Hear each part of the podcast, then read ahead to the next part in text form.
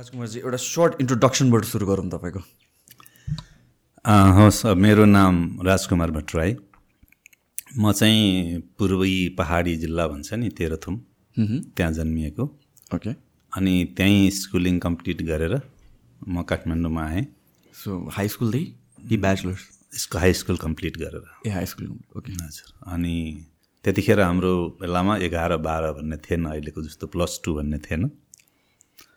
Proficiency certificate level भन्ने थियो. अनि त्यसमा जोइन गरेँ नेपाल कमर्स क्याम्पस मेन भवनमा.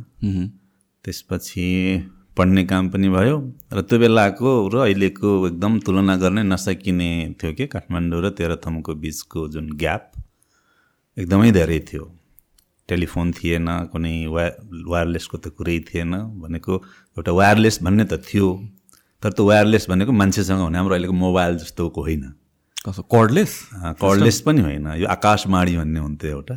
ए हो र मैले सुनेको छैन कर्डलेस हो अनि त्यस पछाडि त्यो आबा आबा भनेर बुझिन्थ्यो त्यतिखेर। अनि प्रत्येक अक्षर अक्षरको पैसा लाग्थ्यो त्यहाँ। अनि यो त्रिपुरेश्वरमा अहिलेको जुन नेपाल टेलिकमको अफिस छ त्रिपुरेश्वरको हो त्यहाँ थियो काठमाडौँको। अनि कतिपय जिल्ला सदरमुकाममा हुन्थ्यो। हाम्रो तेह्रथुम जिल्ला सदरमुकाममा नि थियो। र त्यो भन्यो भने त्यसबाट पठायो भने बल्ल मेसेज चाहिँ यहाँबाट त्यो त्रिपुरेश्वरबाट चाहिँ तेह्रथुमको म्याङ्लोङ सदरमुकाममा पुग्थ्यो। कस्तो फ्याक्स सिस्टम जस्तो हो र। होइन कहाँ फ्याक्स त धेरै पछिको कुरा भयो। धेरै पछिको कुरा भयो। सो त्यो अडियो बेसिसमा थियो कि like audio audio audio audio audio पनि जस्तै तपाईँले कमल भन्नु पऱ्यो भने के फर काठमाडौँ। बिकज उतापट्टिको जुन सुन्ने मान्छे हो उसले के भनेको अर्कै सुनिदिन्छ भनेर काठमाडौँको के अनि मकलको म ललितपुरको ल त्यसो त एउटा क म ल भनेर एउटा प्याराग्राफ बनाउनलाई त होल दिन नै लाग्छ त्यसो थुप्रै लाग्थ्यो थुप्रै लाग्थ्यो। त्यो किसिमले मेसेज चाहिँ जाने गर्थ्यो र पठाउनु पऱ्यो भने त्यसै गरी पठाउनु पर्ने हुन्थ्यो। अनि कुन एड्रेसमा बस्छ के गर्छ त्यो पत्ता लगाएर गर्नु सजिलो हुन्थ्यो। त्यसैले काठमाडौँमा हुने मान्छेले उता जस्तै मैले मेरो घरमा मेसेज पठाउनु पऱ्यो भने तुलनात्मक रूपमा सजिलो हुन्थ्यो। किनभने फलानु गाउँ भनेपछि त्यहाँ सजिलैसँगले पुग्थ्यो त्यो गाउँको त्यो मान्छे भनेपछि। तर यता काठमाडौँमा आइसकेपछि चाहिँ अब त्यो वायरलेस जुन अफिस हुन्छ त्यो आकाशवाणीको त्यसमा चाहिँ त्यो चिन्ने मान्छे कोही हुँदैन। अनि मानौ ललितपुर भन्यो भनेदेखि कुपन्डोल भन्यो भने जाउलाखेल भन्यो भने पनि थुप्रै हुन्छ कहाँ हो कहाँ हो कुन। हो त्यसो हुँदा उताको मेसेज यता आउनलाई चाहिँ गाह्रो हुन्थ्यो। त्यो अवस्थामा यहाँ आएर बस्दाखेरि अब हामीले सामान्य घर खर्च गर्न भनेर ल्याएको पैसा चाहिँ के हुन्थ्यो भने सकिहाल्थ्यो। हामीलाई खान मन लाग्थ्यो त्यो पनि लाग्थ्यो गाउँको मान्छे सहरमा आयो लाउन मन लाग्थ्यो तुरुन्तै सकिहाल्थ्यो। जागिर खानुपर्ने भयो। त्यसो हुँदा मैले जागिर खान चाहिँ त्यतिखेर अब फर्चुनेटली भनौँ या अनफर्चुनेटली भनौँ एउटा थाइल्यान्डको कम्पनीको जागिर खान चाहिँ खान एउटा मौका मिल्यो। उसलाई एकजना कोही मान्छे चाहिएर छ। र त्यसमा योग्यता भन्दाखेरि पनि इमान्दारिता चाहिँ उसले खोजेको रहेछ। अनि त्यस्तै कुनै सम्पर्कबाट पुगेँ म आफै हाकिम म आफै कारिन्दा। केसँग रिलेटेड वर्क थियो यो चाहिँ के थियो भने त्यतिखेर यो प्रिन्ट चाहिँ नेपालमा हुन्थ्यो। यो चाहिँ त्रिचालिस सालको कुरा है दुई हजार त्रिचालिस सालको कुरा। तर कलर प्रिन्ट हुँदैन थियो त्रिचालिस सालमा नेपालमा। अनि यो अहिलेको त्यो एनएसी भन्छ होला पहिला आरएनएसी भन्थ्यो त्यो रोयल नेपाल एयरलाइन्स कर्पोरेसन। त्यसले एउटा यति म्यागजिन भने इनफ्लाइट म्यागजिन उसले पब्लिस गर्ने रहेछ। अनि त्यो इनफ्लाइट म्यागजिनमा केही चाहिँ ब्ल्याक एन्ड व्हाइट पेज केही चाहिँ कलर पेजमा चाहिँ त्यो छाप्ने अनि अब आफ्नो इनफ्लाइटमा अब हवाई जहाजभित्र कुनै उसमा राखिदिने। चलन रहेछ। अनि त्यो कलर प्रिन्ट चाहिँ थाइल्यान्डमा गर्ने रहेछ उसले। अन्त कलर प्रिन्ट गरे बापतको अब पैसा यहाँ चाहिँ जम्मा गर्ने अनि त्यस पछाडि ड्राफ्ट बनाएर डलरमा बाहिर पठाउन मिल्दैन थियो। राष्ट्र ब्याङ्कको चाहिँ स्वीकृति लिनु पर्थ्यो। थुप्रै किसिमका प्रशासनिक प्रक्रिया पुरा गरिसकेपछि अनि त्यो पैसा चाहिँ उता पठाइदिने काम चल्थ्यो। तर आरएनएसीले तिर्ने त आफ्नो तरिकाले तिर्थ्यो। तर त्यो छापे बापतमा उनीहरूको के एग्रिमेन्ट भएको रहेछ भने विज्ञापन तिमीले खोज्ने अनि विज्ञापनको जति पनि लागत कस्ट हो त्यो चाहिँ तिमीले नै आफै गर्ने भन्ने सम्झौता थियो होला है मेरो कम्पनीसँग? कम्पनीसँग। अनि यहाँको चाहिँ फाइभ स्टार होटलहरू राम्रा राम्रा ट्राभल एजेन्सीहरूले विज्ञापन पनि दिन्थे त्यसमा। तिनीहरूको पैसा चाहिँ विदेशी मुद्रामा भुक्तानी गर्नुपर्ने हुन्थ्यो। अनि त्यो भुक्तानी गर्नका लागि फेसिलिटेट गर्ने भने कहाँ के छ भन्ने एक किसिमले भन्ने होइन। एउटा मेसेज लाने ल्याउने पैसा पनि लाने ल्याउने कहाँ के छ त्यो सबै गर्ने ओर्ने काम हो त्यो चाहिँ। हुँ। र त्यो काम सुरु गरेका थिएँ। र त्यो काम सुरु गर्दा गर्दै चाहिँ अनि के भएको थियो भने बल्ल त्यतिखेर भर्खर केही ट्राभल एजेन्सी र केही होटलहरूमा अहिले यहाँले भनेको टेलेक्स युज हुन्थ्यो। टेलिक्स भनेको फ्याक्स टेलेक्स होइन फ्याक्सको अझ अगाडिको दाजु भन्ने कि त्यसको अर्को अघिल्लो जेनेरेसनको भन्ने। ओके अझ अझसम्म फ्याक्समा पुगेका छैनौँ हामी। फ्याक्स त पछिको कुरा भयो नि फ्याक्स त। टेलेक्स थियो अनि मैले अलिअलि त्यो कम्युनिकेसन गर्नको लागि चाहिँ अब त्यहाँको त्यो थाइल्यान्डको कम्पनी शिल्पा कम्पनी लिमिटेड भन्ने थियो उसँग कम्युनिकेसन गर्नु कम्युनिकेसनको लागि टेलेक्स अलिअलि सिक्नुपर्ने भयो। त्यो सँगसँगै फेरि के भयो भने यो कम्प्युटर सिक्ने पनि भयो। कम्प्युटरको अलिअलि छ राष्ट्रिय कम्प्युटर केन्द्र स्थापना भइसकेका थियो। अनि मैले त्यहाँ कम्प्युटर जान्नुपर्छ अब टेलेक्सले मात्रै पुग्दैन कम्प्युटर जान्नुपर्छ भनेर सुरुमा चाहिँ मैले अलिअलि याद छ मलाई धेरै बिर्सिसकेँ। अन्त त्यो इमेज त सबै नै थाहा छ। तर एक स्टेप चढेपछि कम्प्युटरको किबोर्डमा पुगिन्थ्यो मैले पहिला छोएको कम्प्युटर भन्नुपर्दाखेरि। एक स्टेप चढेपछि भन्नु एउटा स्टेप भने खुड्किलो चढिसकेपछि बल्ल त्यो किबोर्डमा पुगि पुगिन्थ्यो। एउटा कोठाभरिको कम्प्युटर हुन्थ्यो त्यो त्यो। त्यसलाई के कम्प्युटर भन्थ्यो अहिले मैले बिर्सेँ। अनि केही दिन पछाडि यो माइक्रो कम्प्युटर भन्ने आयो तर त्यसमा चाहिँ हार्ड डिस्क थिएन। मैले सुरुमा जुन कम्प्युटर सिकेँ त्यसमा हार्ड डिस्क थिएन। सो डेटा सेभ हुन्थेन। सेभ हुन्थ्यो तर तपाईँको एउटा दुईवटा ड्राइभ हुन्थ्यो। एउटा ड्राइभमा चाहिँ त्यो एप्लिकेसन डिस्क हाल्नु पर्थ्यो। अर्को ड्राइभमा चाहिँ डाटा डिस्क हाल्ने हो। ओके त्यसैले डिस्कको साइज भने केबीमा हुन्थ्यो। अनि त्यो सिक्न थालेपछि अनि पछि मैले त्यतिखेर यो लोट यो विन्डोज आएकै थिएन। यो लोटस पनि अल थियो तर वान टू थ्री भन्ने थिएन। अनि वर्ड स्टार भन्ने एप्लिकेसन थियो। त्यो अपरेटिङ सिस्टम नै त्यही हो वर्ड स्टार अपरेटिङ सिस्टम होइन अपरेट प्याकेज जस्तो अहिलेको वर्ड माइक्रोसफ्ट वर्ड भने जस्तो वर्ड स्टार थियो। चिठी सिठी लेख्नु ओर्नु पऱ्यो भने। अनि लाइन तान्न मिल्दैन हरेक कुराहरू हुन्थे। अनि प्रोग्रामिङ गर्नको लागि चाहिँ त्यो डिभेस भन्ने थियो। अनि मैले डिभेसमा प्रोग्रामिङ पनि सिकेँ। अनि अहिले नै सम्झिँदाखेरि कहिले काहीँ कस्तो लाग्छ भने यहाँ यो युएन बिल्डिङको सँगै हाम्रो त्यहाँ एउटा अफिस थियो। मैले डिभेस सिकिसकेका थिएँ। अनि सम्भवतः यो एडिबीको होला एउटा सानो इन्भेन्टरीको प्रोग्राम चाहिँ कम्प्युटरमा लेख्नुपर्ने रहेछ। अनि मलाई सिकाउने सरहरूले ल तिमी पनि हामीसँग गर है एउटा यस्तो काम छ भनेर भन्नुहुन्थ्यो उहाँले। सायद मैले त्यो सिक्दाखेरि अलिकति उहाँहरूसँग अलिकति कम्प्याटेबल भएँ होला अथवा यसले गर्न जान्दछ के भन्नुभयो त्यत्तिकै उहाँहरूले आफू गर्नुहुन्छ भन्यो। अनि यो कुपन्डोलको त्यो एउटा मात्रै पुल थियो अर्को पुल बनेको थिएन।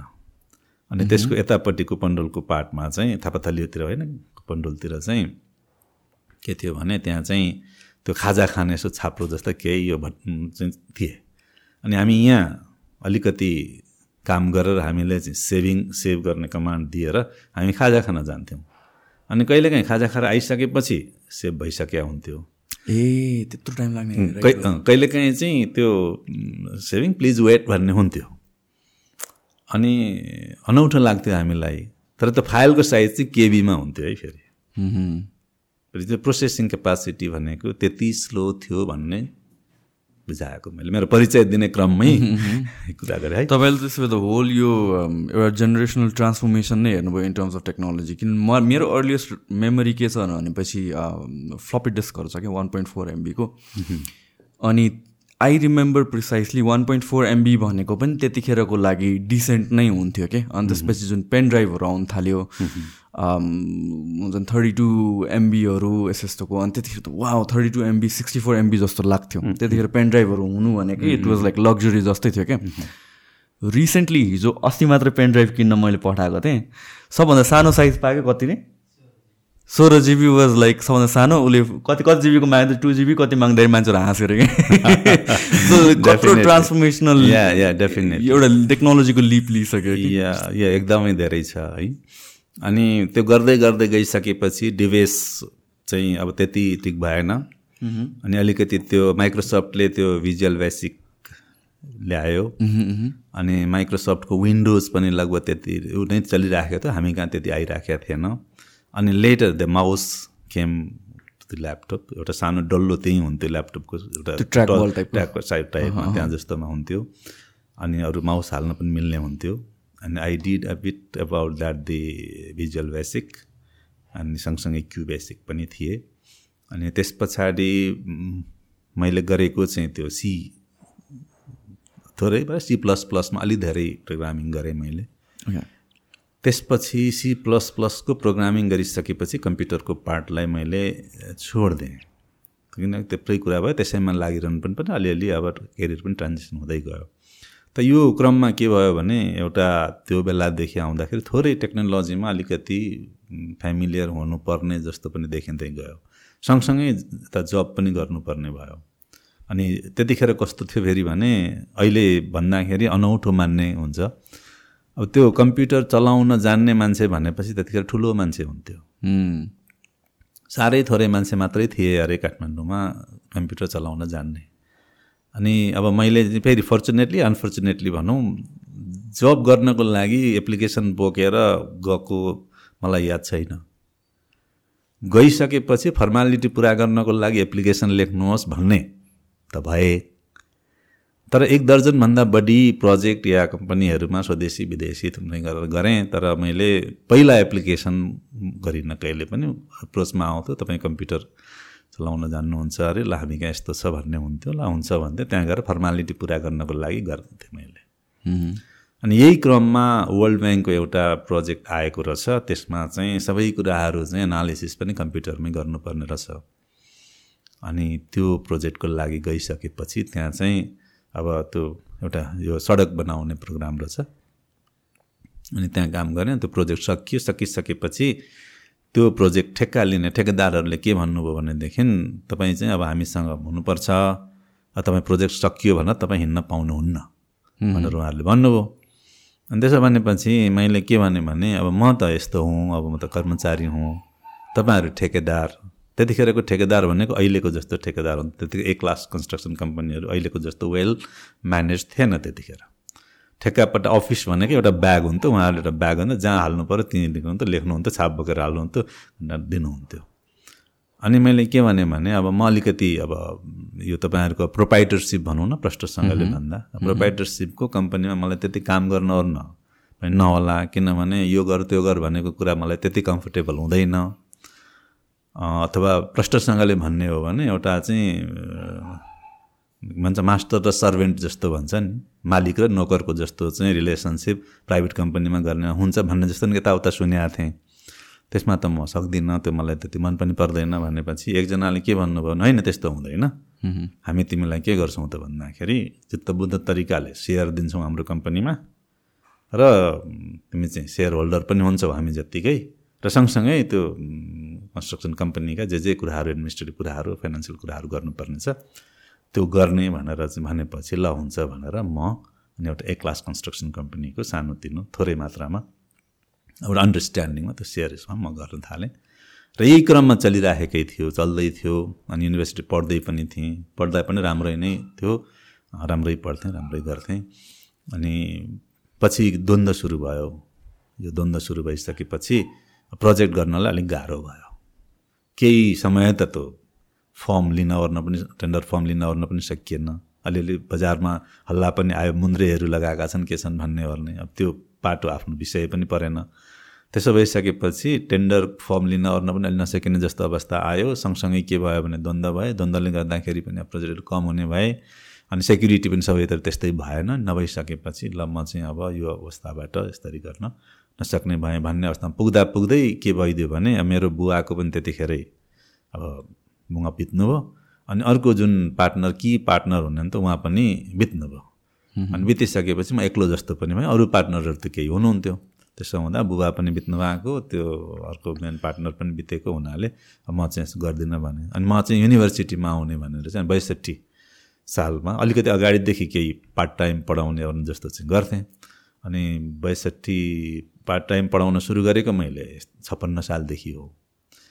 तर छप्पन्नदेखि साठी बैसठी सालसम्म त्यस्तै मात्रै हुन्थ्यो र बैसठी सालदेखि चाहिँ म अब त्रिभुवन विश्वविद्यालयमा स्थायी रूपमा चाहिँ उपप्राध्यापकको पदबाट मैले क्यारियर सुरु गरेको त्यसमा अब अहिले चाहिँ त्यस पछाडि युनिभर्सिटीतिर भयो उता बिजनेसतिर चाहिँ कम कम हुँदै गयो।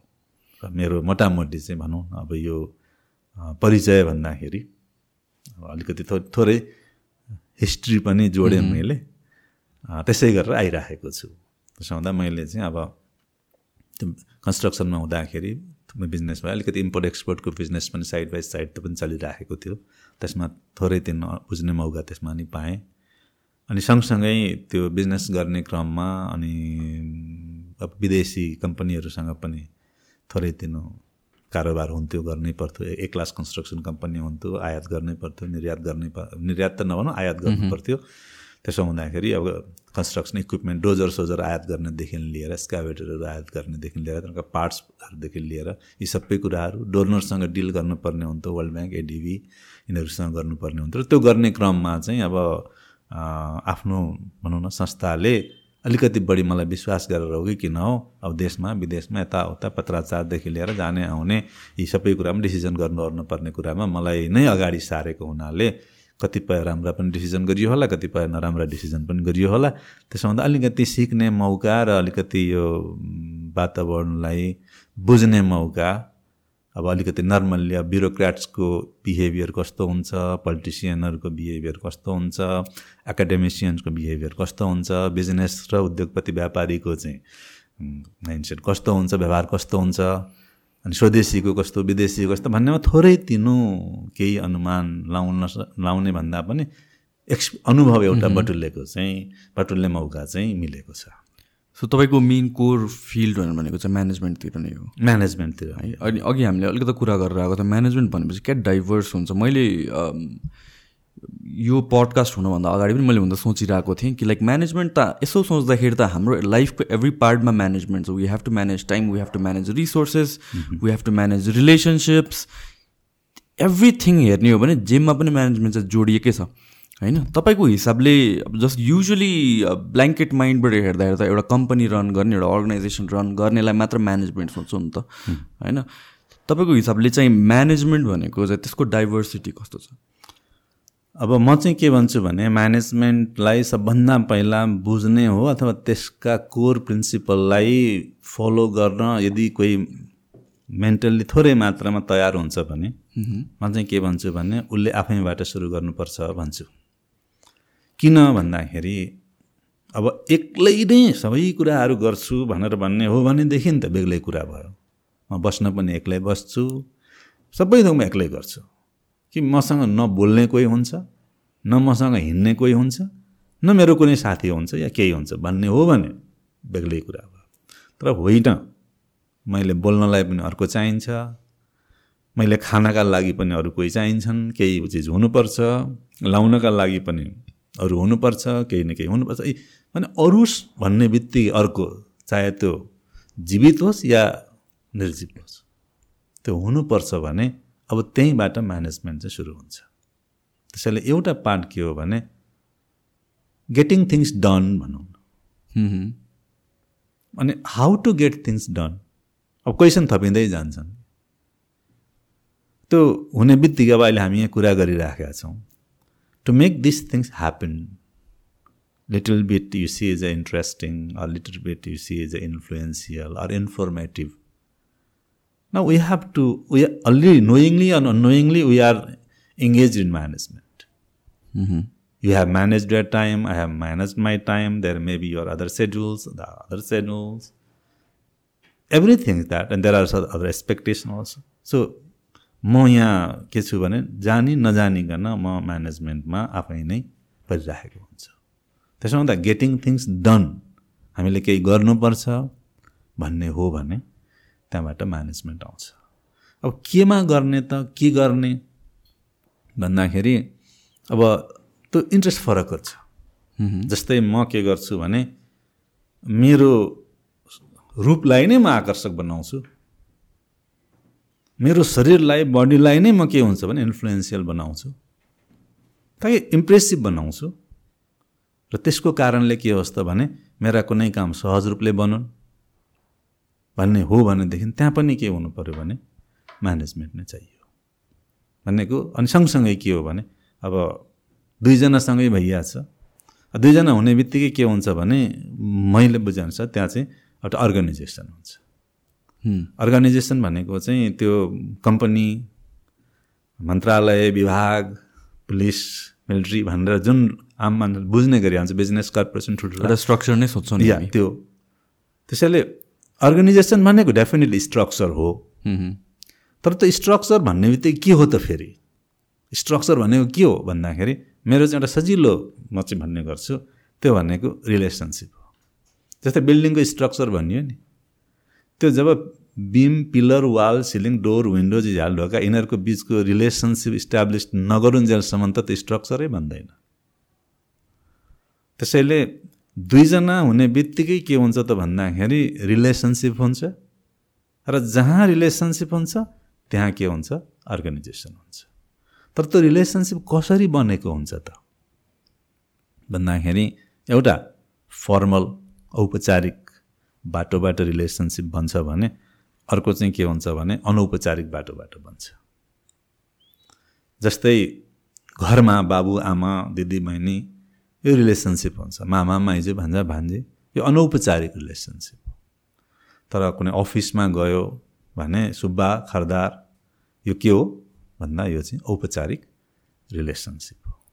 त्यसो हुँदाखेरि जहाँ रिलेसनसिप हुन्छ त्यहाँ अर्गनाइजेसन हुन्छ। अनि त्यो अर्गनाइजेसन रिलेसनसिप भनेको चाहिँ के हुन्छ भने त्यहाँ रिलेसनसिप हुने बित्तिकै र त्यसलाई अलिकति अगाडि बढाउने हो त्यो रिलेसनसिपलाई नियमितता दिने हो भनेदेखि के हुनु पऱ्यो त भने त्यहाँ चाहिँ रिसिप्रोसिटी हुनुपर्छ। रिसिप्रोसिटी भएन भने रिलेसनसिप राम्रो हुँदैन। जस्तै अब बाबु र छोराको बिचमा क के के कुराको रिसिप्रोसिटी हुने? हस्बेन्ड र वाइफको बिचमा कस्तो किसिमको रिसिप्रोसिटी हुने? दाजुभाइ दिदीबहिनीको बिचमा कस्तो हुने? यो चाहिँ के हुन्छ भने अब परिवार समय ठाउँ यो अनुसार चाहिँ के हुन्छ? फरक फरक हुन्छ। तर रिसिप्रोसिटी भएन भने के हुन्छ भने त्यो एक हातले ताली नबजे जस्तो हुन्छ। रिलेसनसिप राम्रो हुँदैन। त्यसो हुँदा अब एक्लै छोडेर आफ्नै कुराको लागि पनि अरू चिज चाहिन्छ। तर आफू अरूसँग हुन्छ भनेदेखि पनि त रिलेसनसिप हुन्छ। रिलेसनसिपलाई कन्टिन्युटी दिनको लागि के चाहिन्छ भने रिसिप्रोसिटी चाहिन्छ। त्यो रिसिप्रोसिटी कसरी गर्ने कुनमा गर्ने भन्ने कुराहरू पनि चाहिँ के हुन्छन् त भन्दा त्यो म्यानेजमेन्टका चाहिँ बेसिक कोर प्रिन्सिपलभित्र पर्ने हुन्छ। अनि हरेक ठाउँमा अब थुप्रै ठाउँमा के भइरहेको छ आजकल भने त्यो रिसिप्रोसिटी जुन पहिलाको किसिमको जस्तो हुन्थ्यो आजकल त्यो किसिमको छैन। किन छैन भने थुप्रै कुरालाई हामीले चाहिँ के गर्यौँ त भन्दाखेरि पैसाले रिप्लेस गर्न थाल्यौँ। जस्तै यहाँलाई एकदमै गाह्रो परिरहेको बेलामा अथवा मलाई गाह्रो परिरहेको बेलामा कसैले आएर मद्दत गरिदियो हामीले पैसा त्यसको बदलामा दियौँ भनेदेखि चाहिँ के हुन्छ भने हामीलाई पनि हल्का लाग्ने हुन्छ। त्यो उसले गरेको जुन किसिमको एउटा सहयोग हो त्यो सहयोग हामीले त्यतिखेरै बिर्सिन सक्छौँ। बिर्सिने सम्भावना बढ्ता हुन्छ। पे गरिसक्यो पे गरिसक्यो पैसामा गयो त्यो।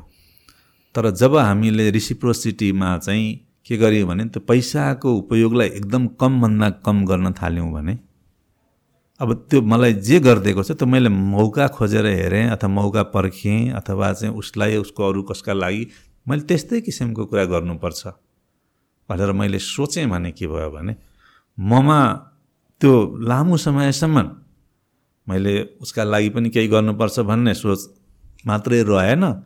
त्यो गर्ने योग्यता पनि मसँग राख्नु पऱ्यो र सजिलोको लागि जस्तै गाउँमा भनौँ मेरो खेतबारी खन्नको लागि कोही मान्छे आयो मैले उसलाई पैसा दिएँ भनेपछि त मलाई त एकदम अहङ्कारै हुन्छ नि किनभने मैले त पैसा तिरेर लगाएको भयो उसलाई। यो धेरैलाई मन नपर्न सक्छ। सबै ठाउँमा लागु हुँदैन। तर मेरोमा ऊ खेत खन्न आएको छ। मैले पनि उसको खेत खनिदिनु पर्छ भनेर मैले सोचेँ भने के हुन्छ भने मसँग खेत खन्न सक्ने क्षमता मसँग खेत खन्न जान्ने सिप यो सबै मसँग हुनुपर्छ। त्यसो भइसकेपछि के हुन्छ भने त्यो रिसिप्रोसिटीलाई अलिकति मात्रै हामीले अगाडि सार्यौँ भने मैले स्किल र नलेज मसँग नभइकन हुँदै हुँदैन। तर पैसामा हामीले कन्भर्ट गऱ्यौँ भनेदेखि त अब त्यो पैसाको लागि चाहिँ के भयो भने कसरी पैसा कमाउने भन्नेमा मात्रै ध्यान भयो। मसँग कुन किसिमको सिप हुनुपर्छ पर्दैन। म कस्तो किसिमको हुनु व्यवहार गर्नुपर्छ? रिलेसनसिप मैले कसरी मेन्टेन गर्नुपर्छ? भन्ने सबै कुरा चाहिँ के भयो भने पैसामा आयो। अनि पैसा चाहिँ के भयो त भन्दा सिपलाई कम्पेन्सेट गर्ने मात्रै भयो राम्रै तरिकाले पैसा अर्न गर्ने भए पनि। त्यसो हुँदाखेरि के हुन्छ भने यो म्यानेजमेन्टले पैसालाई बाहिर राख्ने होइन। तर म्यानेजमेन्टले त्यसमाथि पनि अलिकति फरक महत्त्व होला। तर मेरो आफ्नो चाहिँ के हो त भने हामी रिसिप्रोसिटीमा चाहिँ के गर्नुपर्छ? जोड दिनुपर्छ भन्ने चाहिँ मेरो चाहिँ यो चाहिँ के हो भने त्यो म्यानेजमेन्टको चाहिँ सोच हो। त्यसो हुँदा अब यही रिसिप्रोसिटीलाई नै हामीले अगाडि ल्यायौँ भने सबै ठाउँमा मिल्न सक्छ। जस्तै विकासमा भन्नु कहाँबाट विकासमा म्यानेजमेन्टको कुरा आयो? म्यानेजमेन्ट त बिजनेसको कुरा हो यहाँ भन्ने हुन्छ। मैले यहाँलाई एउटा सानो कुरा के भनौँ भने अहिले हामी सबैले चाहिँ विकास भनेको के त भन्दा बाटो बनाउने। धेरैले विकासलाई विकासले बाटो बनाउने भन्ने बुझ्ने भयो उनीहरूले। त्यो बाटो बनाउने भन्ने कुरा चाहिँ के हो त भनेदेखि त्यो बाटो बन्ने कुरा चाहिँ हो बाटो बन्यो तर बाटोमा के जान्छ? ट्रक जान्छ। अब यहाँले बाटो बनाउनु भयो यहाँबाट यहाँसम्म ट्रक गयो भरि सामान लिएर अनि त्यो ट्रक फर्किँदा के गर्छ?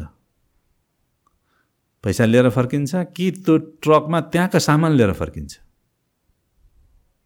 जस्तै मेरो घर तेह्रथुम। तेह्रथुमको मोरहाङ हो। त्यो तेह्रथुमको मोरहाङमा एउटा ट्रक गयो। कुनै डन्डी लिएर जाओस् अथवा त्यहाँ नभएको चिज लिएर गयोस् लत्ता कपडा लिएर जाओस्। त्यो फर्किँदाखेरि त्यहाँको त्यो इस्कुस लिएर आउँछ अथवा त्यहाँको चाहिँ धान ल्याउँछ अथवा त्यहाँको मकै ल्याउँछ अथवा त्यहाँको जडीबुटी ल्याउँछ त्यहाँको चाहिँ अम्लिसो ल्याउँछ याद ल्याउँछ अलैँची ल्याउँछ के ल्याउँछ? यदि भरि ट्रक जान्छ र फर्किँदाखेरि त्यो ट्रक भरि नै फर्किने सम्भावना छ भने रिसिप्रोसिटी भयो।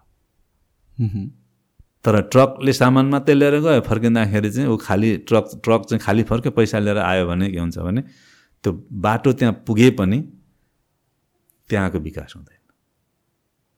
किन हुँदैन भन्दा त्यो म्यानेजमेन्टको बेसिक प्रिन्सिपल जुन रेसिप्रोसिटीको कुरा हो त्यो मिसिङ छ त्यहाँ। त्यसो हुँदाखेरि अब हरेक ठाउँमा तपाईँले कसैलाई मद्दत गर्नुहुन्छ बाबुआमाले छोराछोरीलाई पढाउँछन् हुर्काउँछन् टिचरको होला स्टुडेन्टको होला एक्लै अर्कालाई थुप्रै गरिराखेको हुन्छ। त्यो बदला के त? भन्दा अहिलेको पछिल्लो समयमा चाहिँ यो आफ्ना आफ्ना इन्टरप्रिटेसनबाट स सजिलोको लागि त्यो सबैलाई पैसाले चाहिँ कम्पेन्सेट गर्ने भन्ने चलन जुन विकास भएर गयो त्यो चलनले गर्दाखेरि के भयो त भने हामी चाहिँ त्यो सिप हामीलाई चाहिएन। हामीमा जिम्मेवारी चाहिँ कम हुँदै गयो र जुन किसिमको अहिलेको सम्बन्ध भने नि एउटा अर्गनाइजेसनको लागि एउटा रिलेसनसिपको लागि जुन हुने कडी हो जोड्ने कडी के हो त भने त्यो चाहिँ टुटेर गयो। त्यसो हुँदाखेरि म्यानेजमेन्टले के गर्ने हो त भन्दा गेटिङ थिङ्स डन हो। हामीले काम गर्ने हो। सहज तरिकाले गर्ने हो। सजिलोसँगले गर्ने हो। सबैको भलो गर्ने हो। तर त्यो सजिलो त्यो भलो दिगो कुरा केमा हुन्छ त? भन्दाखेरि रिसिप्रोसिटीमा हुन्छ। जब रिसिप्रोसिटीबाट हामी टाढा जान्छौँ त्यति के हुन्छ त भन्दा हाम्रो सम्बन्ध पनि पातलिँदै जान्छ। त्यसो भन्दा यो उसले गर्नुपर्ने हो अथवा यो काम वाइफको हो म त हस्बेन्ड हो। अथवा त्यो काम हस्बेन्डको हो म त वाइफ हो। तर बाबुको हो म अब कुनै नै पनि कुनै तरिका। यस्ता हुन्छन् आफ्नो आफ्नो सर्टन स्पेसिफिक हुन्छन् त्यो हुनु हुँदैन भन्ने होइन। तर त्यसको बदलामा के गर्ने त? केही गरिएन मैले पैसा दिँदै दिएकै छ नि सबै तिमीहरूलाई। भन्दाखेरि त्यो आफ्नो बिजनेस आफ्नो प्रोफेसन फ्यामिली फ्रेन्ड्स यिनीहरूको बिचको जुन रिलेसनसिप हो त्यो राम्रो भएको हुँदैन हुँदैन। र थुप्रै हामी सुन्छौँ नि। ठुल्ठुला उद्योगपति व्यापारीहरू एकदम व्यस्त मान्छेहरूको पारिवारिक पारिवारिक जीवन चाहिँ एकदम चौपट भएको। त किन त्यस्तो भएको त? भन्दा रिसिप्रोसिटीमा कमी आएर। त्यसो हुँदा रिसिप्रोसिटी चाहिँ महत्त्वपूर्ण कुरा हुन्छ जुन चाहिँ अब आफ्नो अनुकूलमा। यही नै हुनुपर्छ भन्ने फर्मुला छैन।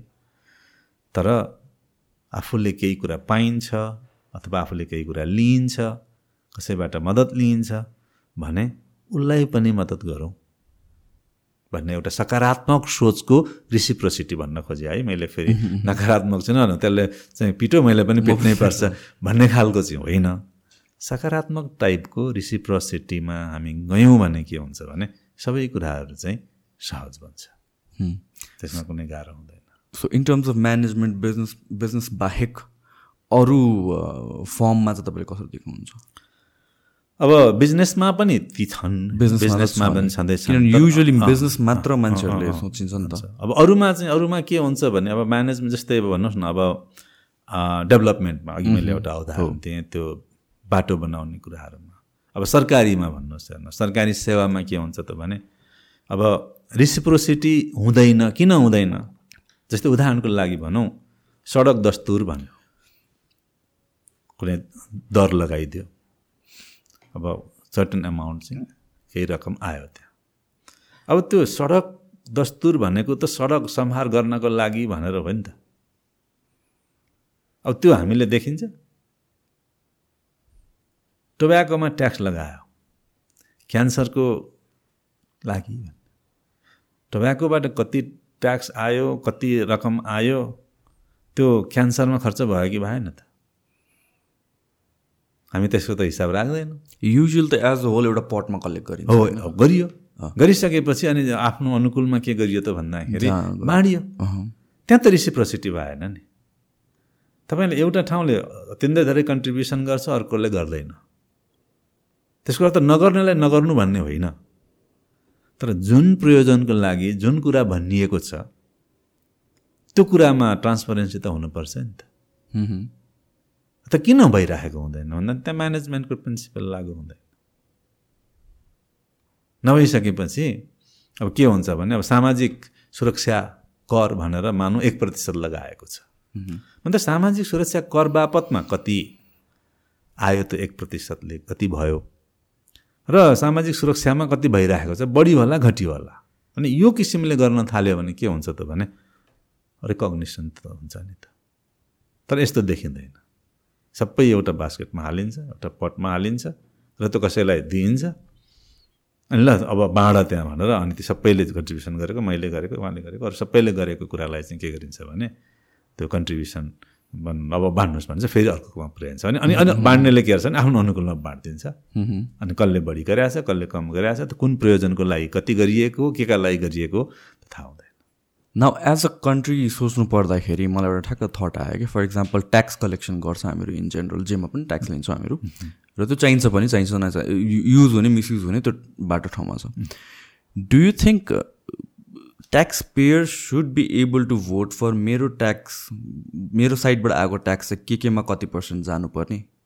किनभने मेरो लागि मेबी रोडको डेभल डेभलपमेन्ट टप प्रायोरिटी होला कसैको लागि मेबी हेल्थ टप प्रायोरिटी होला। कसैको लागि केही होला कसैको लागि केही होला। सो यसरी जाँदाखेरि म्यानेज गर्न झन् गाह्रो हुन्छ कि? कि that's how it should be कि लाइक मैले भोट गर्नुपर्ने मेरो पैसा चाहिँ कहाँ जाओस् भनेर?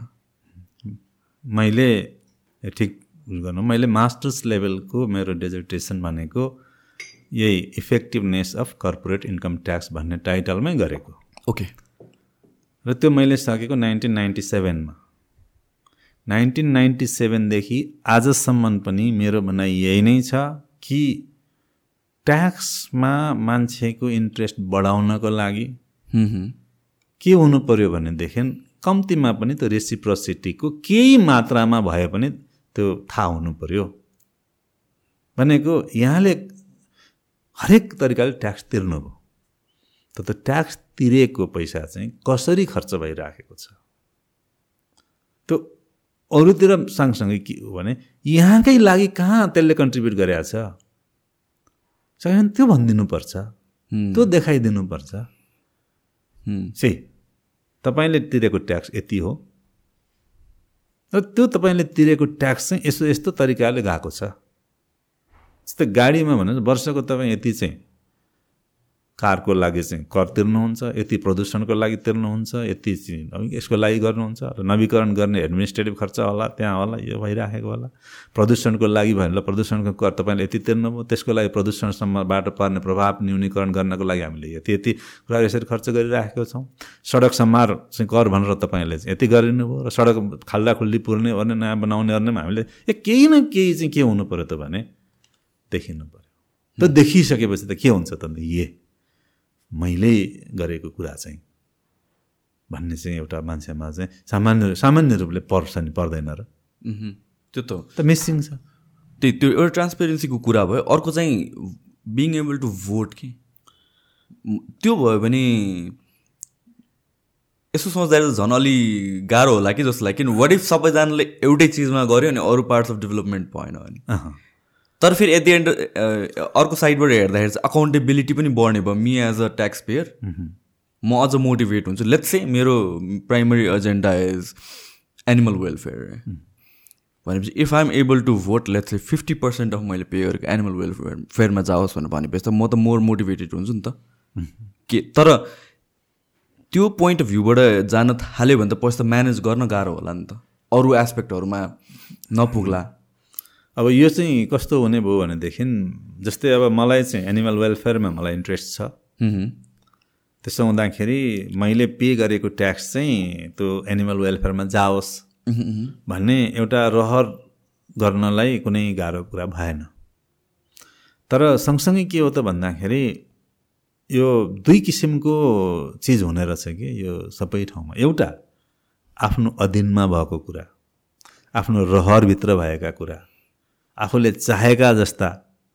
र अर्को चाहिँ के हुँदो रहेछ त भन्दाखेरि आफूले चाहेको आफ्नो अधीनका कुरा एकातिर भए र अरूको अधीनमा भएका कुराहरू चाहिँ अर्कोतिर हुँदो रहेछन् कि? So basically interest versus necessity interest personal interest versus necessity यस्तो इन्ट्रेस्ट भनेको चाहिँ कस्तो हुने रहेछ भने सामान्य त्यही अब त्यो म्यानेजमेन्टकै कुरा गऱ्यो भने जस्तै आठ नौ घन्टादेखि हामीले केही पनि खाएनौँ भने हाम्रो नेसेसिटी चाहिँ के हुनसक्छ सिचुएसनल नै हो त्यो त। हाम्रो नेसेसिटी भनौँ एक्सचेन्जको लागि निड निड के हुन्छ भन्दा धेरैले के भन्छन् भने वी निड फुड भन्छ।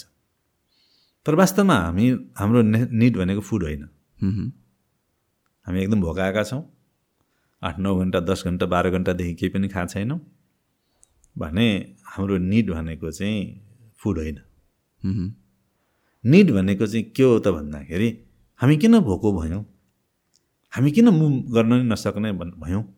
भन्दाखेरि हाम्रो निड भनेको इनर्जी हो। Because we are in shortage and deficit of energy अब फुड भनेको के हो त? मिडियम भन्दाखेरि हाम्रो त्यो रहर हुन सक्ला। ओके फुडमा पनि के त? मोमो खाने। चाउमिन खाने। त्यो मोमो कहाँ खाने? सोल्टीमा खाने। या त्यहाँ बाटोमा खाने। के गर्ने? यी सबै कुरातिर चाहिँ त्यो निड के अरे त्यो चाहिँ इन्ट्रेस्टको कुराहरू जान्छ। के मनपर्छ के कुरा ठिक लाग्छ के कुरा लाग्दैन आफ्नो औकात कतिको छ यी सबै कुराले त्यो इन्ट्रेस्टलाई चाहिँ के गरेका हुन्छन् भने गाइड गरिराखेका हुन्छन्। अब निड भनेको चाहिँ के हो भने सबैको निड त्यही हो। बायोलोजिकल निड त्यो हामी भोकाएको छौँ जो पनि भोकाउँछ जसलाई पनि इनर्जी चाहिँ के हुन्छ भनेदेखि लस हुन्छ। भने त्यो इनर्जी फुलफिल गर्नुपर्ने चाहिँ नेसेसिटी हो। त्यसो हुँदाखेरि tax is a necessity for a country एउटा आइडियल कन्ट्रीमा खोज्दाखेरि हामीले हेर्ने हो भने ट्याक्स अथवा कुनै रे रेभेन्यू अथवा राजस्व भनेको चाहिँ यो नेसेसिटी हो। We all need to contribute for that तर त्यो नेसेसिटी हो त नेसेसिटी चाहिँ अघि मैले भने कसको लागि त भन्दा एउटा एउटा आफ्नो रहर र आफ्ना सोचका कुरा भए एउटा भने अर्को चाहिँ अरूको पनि हुने भयो कि? त्यसमा ट्याक्स पेयरको चाहिँ आफ्नो मात्रै कन्सन्ट्रेसन हुन्छ। उसको आफ्नो बिजनेस हुन्छ उसको इन्ट्रेस्ट चाहिँ एनिमल वेलफेयरमा हुन्छ उसलाई त्यो रहर लाग्छ। र मैले जति पनि कमाएको छु जति पनि मैले कन्ट्रिब्युसन गरेको छु त्यो चाहिँ एनिमल वेलफेयरकोमा भए हुन्थ्यो होला भन्छ। ऊ आफैले पर्सनल्ली पनि अब स्ट्रिट स्ट्रिट डगहरू या कुनै त्यस्ता कुरा रेस्क्यु गरिरहेको छ केही पनि गरे हुनसक्छ इन्टरभ्यू भयो। तर त्यो उसले तिरेको ट्याक्स जोसँग जान्छ उसँग चाहिँ के हुन्छ त भन्दा त्यो ट्याक्स रिसिभ गर्ने मानु गभर्मेन्टसँग चाहिँ के हुन्छन् भने थुप्रै अब त्यो एनिमल इन्ट्रेस्ट भएर जसले गरिरहेको छ त्यस्तो अर्कोमा चाहिँ त्यसको काम हुने त्यसैलाई चाहिँ पाल्ने अर्को खालका सबैको कुरा चाहिँ त्यहाँ जम्मा भइरहेको हुन्छ कि? त्यसो हुँदाखेरि उसले चाहिँ के गर्नु पर्यो भने सबैको इन्ट्रेस्टलाई चाहिँ उसले एड्रेस गर्नुपर्ने जिम्मेवारी गभर्मेन्टको भइरहेको हुन्छ भने यतातिर ट्याक्स पेयरको चाहिँ के हुन्छ भने आफ्नो इन्डिभिजुअल इन्ट्रेस्टमा आइरहेको हुन्छ। त्यसमा त्योसँग त्यो मिल्यो भने जस्तै गभर्मेन्टले पनि एनिमल वेलफेयरको लागि चाहिँ गर्नुपर्छ भनेर चाहिँ त्यही कुराहरू सबै ठानेर सबैले ओके भयो भनेदेखि चाहिँ अब एनिमल वेलफेयर भनेर यसरी गरिएको थियो। त्यसैले मैले भन्न खोजेको कुरा के हो भने यदि एनिमल वेलफेयरको लागि हामीले कुनै चार्ज लगाइएको छ भने एनिमल वेलफेयरमा का लागि भनेर यति हामीले जम्मा गरिएको थियो। र एनिमल वेलफेयरमा यति यसरी यो यो तरिकाले खर्च भएको छ है भन्ने एटलिस्ट त्यो ब्रेकडाउन भइदियो भनेदेखि पनि थोरै मात्रामा भए पनि अहिलेको अवस्थामा धेरै ठुलो अब नगरे पनि बढी आइडियलिस्टिक नभए पनि सामान्य रूपमा यति गर्न सकियो भनेदेखि पनि के हुने हुन्छ त भन्दा त्यो म्यानेजमेन्टको एउटा प्रिन्सिपल चाहिँ एड्रेस गरेको देखिन्छ। कम्प्लिटली अग्री सो तर यो यो आइडियोलोजीमा किन गएको छैन या जान गाह्रो हो कि इन्डिभिजुअल पर्सनको ट्याक्सलाई ब्रेकडाउन गरिदिन गाह्रो हो कि कि यो कन्सिडर नै गरेको छैन? अब अब त्यो ठाउँमा बसेर मैले त हेरेको छैन त्यो अनुभव मसँग छैन।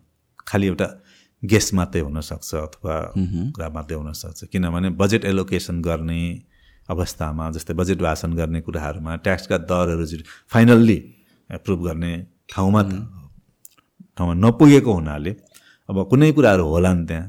तर मैले यसो हेर्दाखेरि के हुन्छ भने यसले के गरिदिन्छ त भन्दाखेरि धेरै हदसम्म ट्रान्सपरेन्ट बनाउन खोज्छ हो। यो सिस्टम एकदमै। अनि थुप्रै सरकारका काम कारवाहीहरूमा चाहिँ के देखिन्छ त भन्दाखेरि ट्रान्सपरेन्सी देखिया छैन।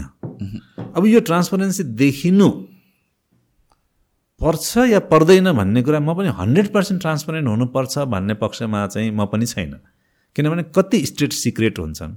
ट्रु कति किसिमको अब च्यालेन्जर हुन्छ स्ट्राटेजिक इम्पोर्टेन्सका कुराहरू हुन सक्छन् होइन?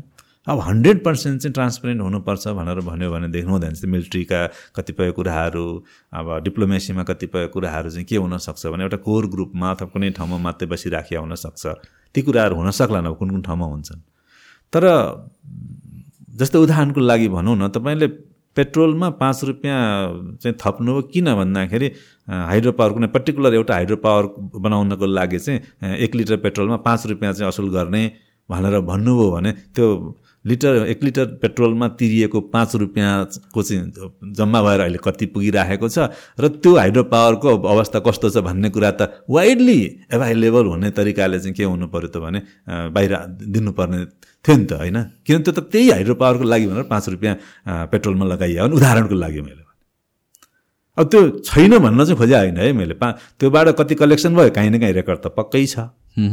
त्यो हाइड्रो पावरको बारेमा अथवा अरू कुनै योजनाको बारेमा कति के भयो त्यो पनि काहीँ त छ। तर आम मान्छेले किन्छ नि पेट्रोल त।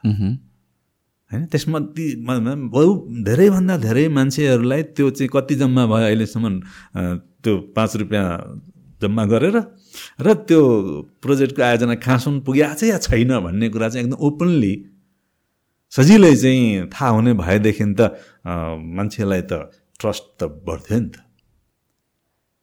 त्यस्तोसम्म त जतिसम्म गर्न सकिने हुन्छ त्यतिसम्म गर्नुपर्छ। हदैसम्म हन्ड्रेड पर्सेन्ट चाहिँ ट्रान्सपेरेन्ट हुनुपर्छ भन्ने पनि होइन। जतिसम्म सकिन्छ त्यतिसम्म हुनु पर्यो अथवा अरू केही भएन भने जुन प्रयोजनको लागि भनेर जुन चार्ज लगाइएको छ त्यो प्रयोजन कहाँ पुग्यो कस्तो भयो भन्ने कुराको त गर्नलाई त गाह्रो नहोला नि। जस्तो कि फर इक्जाम्पल लेट्स चाहिँ मेरो हन्ड्रेड पर्सेन्ट ट्याक्समा थर्टी पर्सेन्ट मिसलेनियस भनेर हालिदियो जस्तो कि स्टेट सिक्रेट्सहरू military whatever it is जुन खुलाउन मिल्दैन। यति पर्सेन्ट भनेर मिसलेनियस भनेर राखिदियो बट रिमेनिङको ब्रेकडाउन गरेर देखायो चाहिँ बेटर तपाईँले भन्न खोज्नु। तर यो लाइक ग्लोबली अरू कतै गरिन्छ? संसारमा कतै प्र्याक्टिस छ? होइन थुप्रै ठाउँमा गर्छन् नि। ए हो र? थुप्रै ठाउँमा गर्छन्।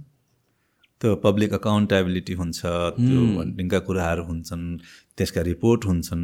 हामी कहाँ पनि जिरो नै भएको भन्ने होइन।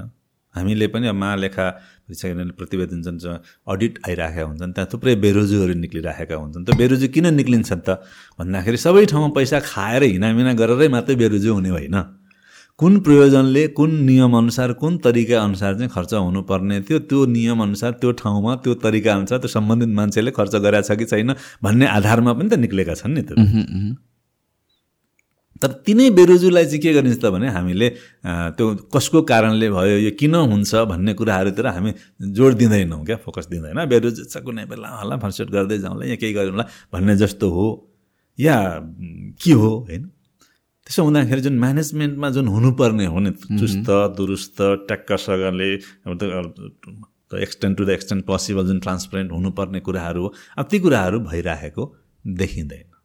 तर म्यानेजमेन्टका प्रिन्सिपलहरू लगाउने हो भनेदेखि चाहिँ आत्मसात गर्ने हो भने त्यो चाहिँ हदैसम्मको के हुन्छ भने ट्रान्सपरेन्सी हुन सक्ने सम्भावनाहरू देखिन्छ त्यति भनेको मैले। त्यो अवस्था छ। सो अर्को तपाईँले इम्युनिटीको पनि कुरा गर्नुभएको थियो। होइन? सो त्यसको बारेमा अलिकति डिस्क्राइब गर्नु। अघि नै हामीले कुरा गरेर त्यो। इम्युनिटी चाहिँ कस्तो भनेदेखि हामीहरूको दुई किसिमको इम्युनिटी भनौँ न एउटा मान्छेको स्वयं आफ्नै इम्युनिटी इम्युन सिस्टम भयो। बायोलोजिकल इम्युन सिस्टम जुन अहिले कोभिडमा पनि जसको इम्युन सिस्टम चाहिँ बलियो छ उसलाई कोभिडको भाइरसले असर गर्न सक्दैन। जसको इम्युन सिस्टम चाहिँ कम छ त्यसलाई चाहिँ बढी असर गर्छ भन्ने जुन कुराहरू चाहिँ चलिराखे जस्तैको हो। यो बायोलोजिकल इम्युन सिस्टम चाहिँ मेरो विषय होइन। मेरो विषय भनेको चाहिँ अर्गनाइजेसनल इम्युन सिस्टम अर्गनाइजेसन भनेको अघि पनि भनियो कि ठुल्ठुला कम्प्लेक्सहरू मात्रै होइनन्। अर्गनाइजेसन भन्ने बित्तिकै एउटा रिलेसनसिप हो? र त्यो रिलेसन प्रत्येक रिलेसनसिपले पनि के गरे हुन्छ त भन्दाखेरि त्यो इम्युनिटी चाहिँ बिल्डअप गरे हुन्छ। अनि सँगसँगै के हुन्छ भने त्यो रिलेसनसिपको कन्टिन्युटीले के गरे हुन्छ भने आफ्नै किसिमका नियम बनाउँछ। जस्तै यहाँ जुन दिनदेखि सुरु गर्नुभयो त्यो दिनदेखि नै के हुन सक्ला अनि यहाँ तपाईँहरूका जानी नजानिकन केही नियम होला के गर्ने कसो गर्ने कहाँ गर्ने पहिला ल्याउने बसाउने नबसाउने को कसो। यो स्वत यो के भइराखेको हुन्छ भने यो सेट हुँदै जान्छ। अनि आज काम कसरी गरिन्छ भोलि काम कसरी गरिन्छ पर्सि कसरी गर्दै गरिन्छ भने चाहिँ त्यो त्यसैमा मान्छे के भइरहेको हुन्छ युज टु हुन्छ। अब तर अब त्यो के भयो त भन्दाखेरि चेन्ज गर्नुपर्ने भयो। त्यसले काम गरेन भने अब त्यो संस्थामा त्यो काममा फ्यामिलियर भएका मान्छे के हुन्छन् भने त्यो नयाँमा उनीहरू चाहिँ युज टु हुँदैन।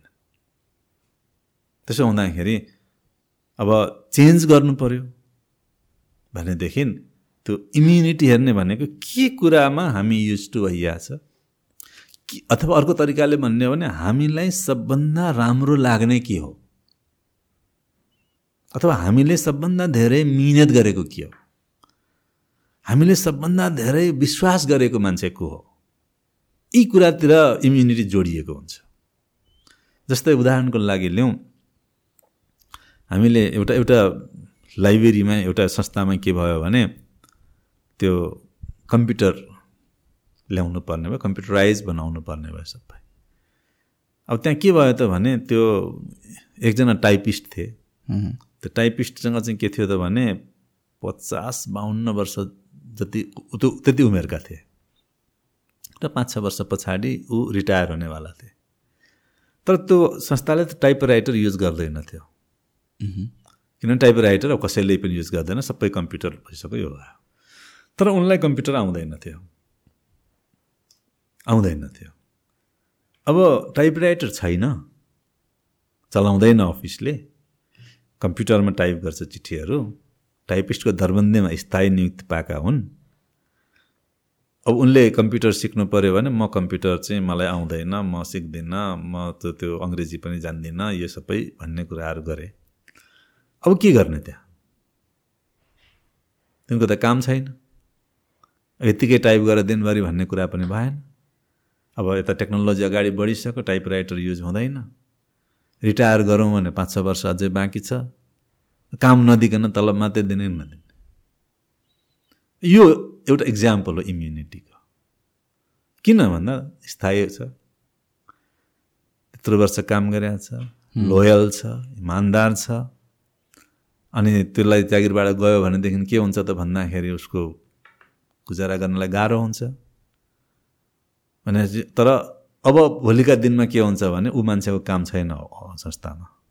किनभने टाइपराइटर नै संस्थाले युज गर्दैन कम्प्युटर गर्छ ऊ कम्प्युटरमा जाँदैन। युज टु भएको छ कि? टाइप राइटरमा युज टु भएको छ. भने अब यस्तो तरिकाले पनि के हुन्छ त भन्दा इम्युनिटी डेभलप भएर जान्छ भने इम्युनिटी चेन्ज भनेको अब त्यो मान्छेलाई चेन्ज गर्नलाई गाह्रो हुन्छ किनभने you love that person you are working with that person for the last twenty twenty five years thirty years how can you leave that person as it is अनि यस्ता कुराहरू यति धेरै हुन्छन् यति धेरै हुन्छन् कि त्यसले के गर्छ त भन्दाखेरि मा अगाडि बढ्नै दिँदैन संस्थालाई। भएर गभर्मेन्टमा पनि यी ट्रान्सपरेन्सीको कुराहरू गर्ने हुँदाखेरि यो बेरोजगारका जुन कुराहरू गरिरहेछ जुन तरिकाले गर्ने गरिरहेछ अब यो चेन्ज हुनलाई चाहिँ त्यो ब्रेक गर्नुपर्छ त्यो इम्युनिटी। थुप्रै ठाउँमा के भइरहेको हुन्छ अहिले दिइदिनुहोस् न त उहाँलाई। भोलि उहाँले केही ल्याउनुहुन्छ त्यसो गरौँला भनेर पनि त्यो अकाउन्टेन्टहरूले कसैले चाहिँ के भन्छ कसैलाई पेमेन्ट गर्दैला उदाहरणको लागि। अब भोलि आएर सबै कुरा मिल्यो भने त। भयो त्यहाँ। त आएन भने त्यो रकम त के भयो त भने। बस्यो। तर चलन के छ त भन्दा हाकिम साहबले भन्नुभयो अथवा उहाँले भन्नुभयो उहाँ बाहिरको पार्टी यस्तो उहाँले मिलाइहाल्नुहुन्छ भोलि गरिहाल्नुहुन्छ नि। भन्ने जुन हाम्रो पहिल्यैदेखिको एउटा युज टु हामीले जुन गरिराखेको कन्भेन्सनका कुराहरू हुन्छन् ती कन्भेन्सनका कुराहरू लागु हुन्जेलसम्म चाहिँ र त्यो भनेअनुसार भयो भने चाहिँ यो समस्या आउँदैन। तर हुँदैन त्यो। अब के कारणले हुँदैन? हुँदैन। अनि सबै के हुन्छ त भने त्यस्तै बसिराखेको हुन्छ। त्यसले न हामीले भएका परम्परालाई त्याग्नै सक्छौँ। न ती परम्परालाई फलो गर्दाखेरि हामीलाई भलो नै हुन्छ र हामी चाहिँ अहिलेको बदलिँदो परिस्थितिमा फिट हुन्छौँ। हुँदैन? त्यो नहुने बित्तिकै के हुन्छ त भने अर्गनाइजेसनमा छुट अर्गनाइजेसन भनेको मैले रिलेसनसिप छु। रिलेसनसिपमा थुप्रै समस्या आउँछ। जस्तै इन्टरकास्ट म्यारिज भन्नुहोस् न फर इक्जाम्पल धेरै घर घरमा आइरहेको चलिरहेको। अब त्यो इन्टरकास्ट म्यारिज के हो त? अथवा धर्म भनौँ न। एउटा धर्म र अर्को धर्म भनेको के हो? त्यहाँ कति वैज्ञानिक आधार छ? हिन्दू हुने र क्रिस्चियन हुने अथवा मुसलमान हुने यी जे जे जति कुराहरू छन् नि। किन यसमा चाहिँ यति धेरै मान्छे लागिरहेको हुन्छ? भन्दाखेरि इम्युनिटी चाहिँ अहिले अमेरिकालाई पनि कता जाने न कुनै न कुनै तरिकाले त्यही डर छ। होइन भने तालिबानहरूको भनाइ गराइ होला। आतङ्कवादी भन्छन् यो भन्छन्। छ दुःख छ सबै छ। तर मान्छे मार्ने काम त अहिले त्यो भनौँ न लडाइँले त गर्छ नि त होइन? तालिबानले नजानिदो तरिकाले अर्कालाई जानकारी नदिकन अथवा इनोसेन्ट मान्छेलाई मारे। तर बम खस्दाखेरि सबै चाहिँ त्यो इनोसेन्ट मान्छे मर्दैनन् र। बम खस्दाखेरि त इनोसेन्ट मान्छे पनि मर्छन् नि त। तर के हुन्छ त भने बम खसेर इनोसेन्ट मारेको हिसाब हुँदैन। अनि त्यो वारमा चाहिँ दुई पक्षको बिचमा गोली हानहान हुँदाखेरि इनोसेन्ट मान्छे मरेका केटाकेटी मरेका वरेकाको हिसाब धेरै पछि आउँछ। तर कसैले गरे एकजनालाई चाहिँ हानिदियो हानिदियो भनेदेखि त्यो चाहिँ सबभन्दा अगाडि आउँछ। त यसमा हामीले के हेऱ्यौँ त? भन्दाखेरि मान्छेको ज्यानलाई त हेरेनौँ नि। हामीले विकास भनेर भनिरहेका छौँ एकदम विकासका कुराहरू गर्छौँ। अहिले एडभान्समेन्ट हेर्दाखेरि के छ त भन्दा तपाईँले अधिकांश खर्च केमा भइरहेको छ? भन्दाखेरि मिलिट्री आणविक हतियार भन्नुहोस् अथवा ब्यालिस्टिक मिसाइल भन्नुहोस् हरेक कुराको फाइटर जेट भन्नुहोस् यो सबै कुराहरू। यो सबै के का लागि? मान्छे बचाउनलाई हो? बचाउनलाई त होइन। मान्छे मार्नलाई हो नि। अनि हामी हिजो राज्यको स्थापना हुनुभन्दा अगाडि पनि आफ्नो दादागिरी गरेर आफ्नो हैकम चल्ने ठाउँमा आफ्नो शक्ति लाग्ने ठाउँमा त्यो शक्तिकै विस्तारले गर्दा राज्य सिर्जना भए। त्यही शक्तिकै कुरा आजसम्म चलिरहेको छ भने हामी विकासमा अगाडि बढाएको छौँ त। मैले हेर्दा त त्यस्तो केही पनि देख्दिनँ।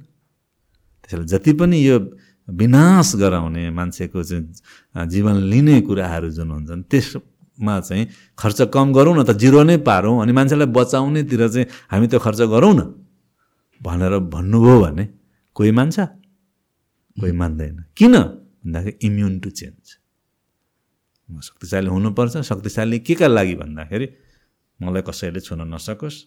त्यसले यस्तो मिसाइल बनायो भने त्यसको काउन्टर दिन म यस्तो बनाउँछु। त्यसले त फाइटर जेट बनायो भने त्यसको बदलामा म यस्तो गर्छु। यसले आणविक बनायो म पनि यो किसिमको होड चाहिँ त चलिरहेको छ नि त अहिले किन भन्दा म बलियो हुनुपर्छ। म सर्वशक्तिमान हुनुपर्छ। भन्ने जुन किसिमको एउटा विश्वास हो त्यो चाहिँ यस्तो तरिकाले इम्युन छ कि डोन्ट चेन्ज हुँ। र यो एउटा युनिभर्सल बिलिफ पनि भयो नि त किनभने in a sense that if सबै कन्ट्रिजहरूले मिलिटरीमा स्पेन्डिङ जिरो गर्छ भने द्याट्स अ डिफ्रेन्ट थिङ तर म मात्र एउटा पार्ट अफ अ सिस्टम मैले मात्र डिक्रिज गरेँ भने त मेरो लागि त एउटा भनौँ एउटा एउटा घाटाको सिचुएसनमा पुगेँ नि त म. सो त्यो कारणले गर्दा एज अ होल सिस्टमले नै जिरो जान्छ भनेर विच इज इम्पोसिबल ग्लोबल स्केलमा हेर्ने हो भने चाहिँ। होइन? सो जहिले पनि त्यो एउटा कम्पिटिसन चाहिँ भइ नै राख्छ जस्तो लाग्छ कि? That is one of the reason definitely definitely अब यो सबैभन्दा ठुलो कुरो के रहेछ भने यो इम्युनिटी मान्छे किन इम्युन हुन्छ? तपाईँले इन्टरकास्ट म्यारिजलाई किन एक्सेप्ट गर्नुहुन्न?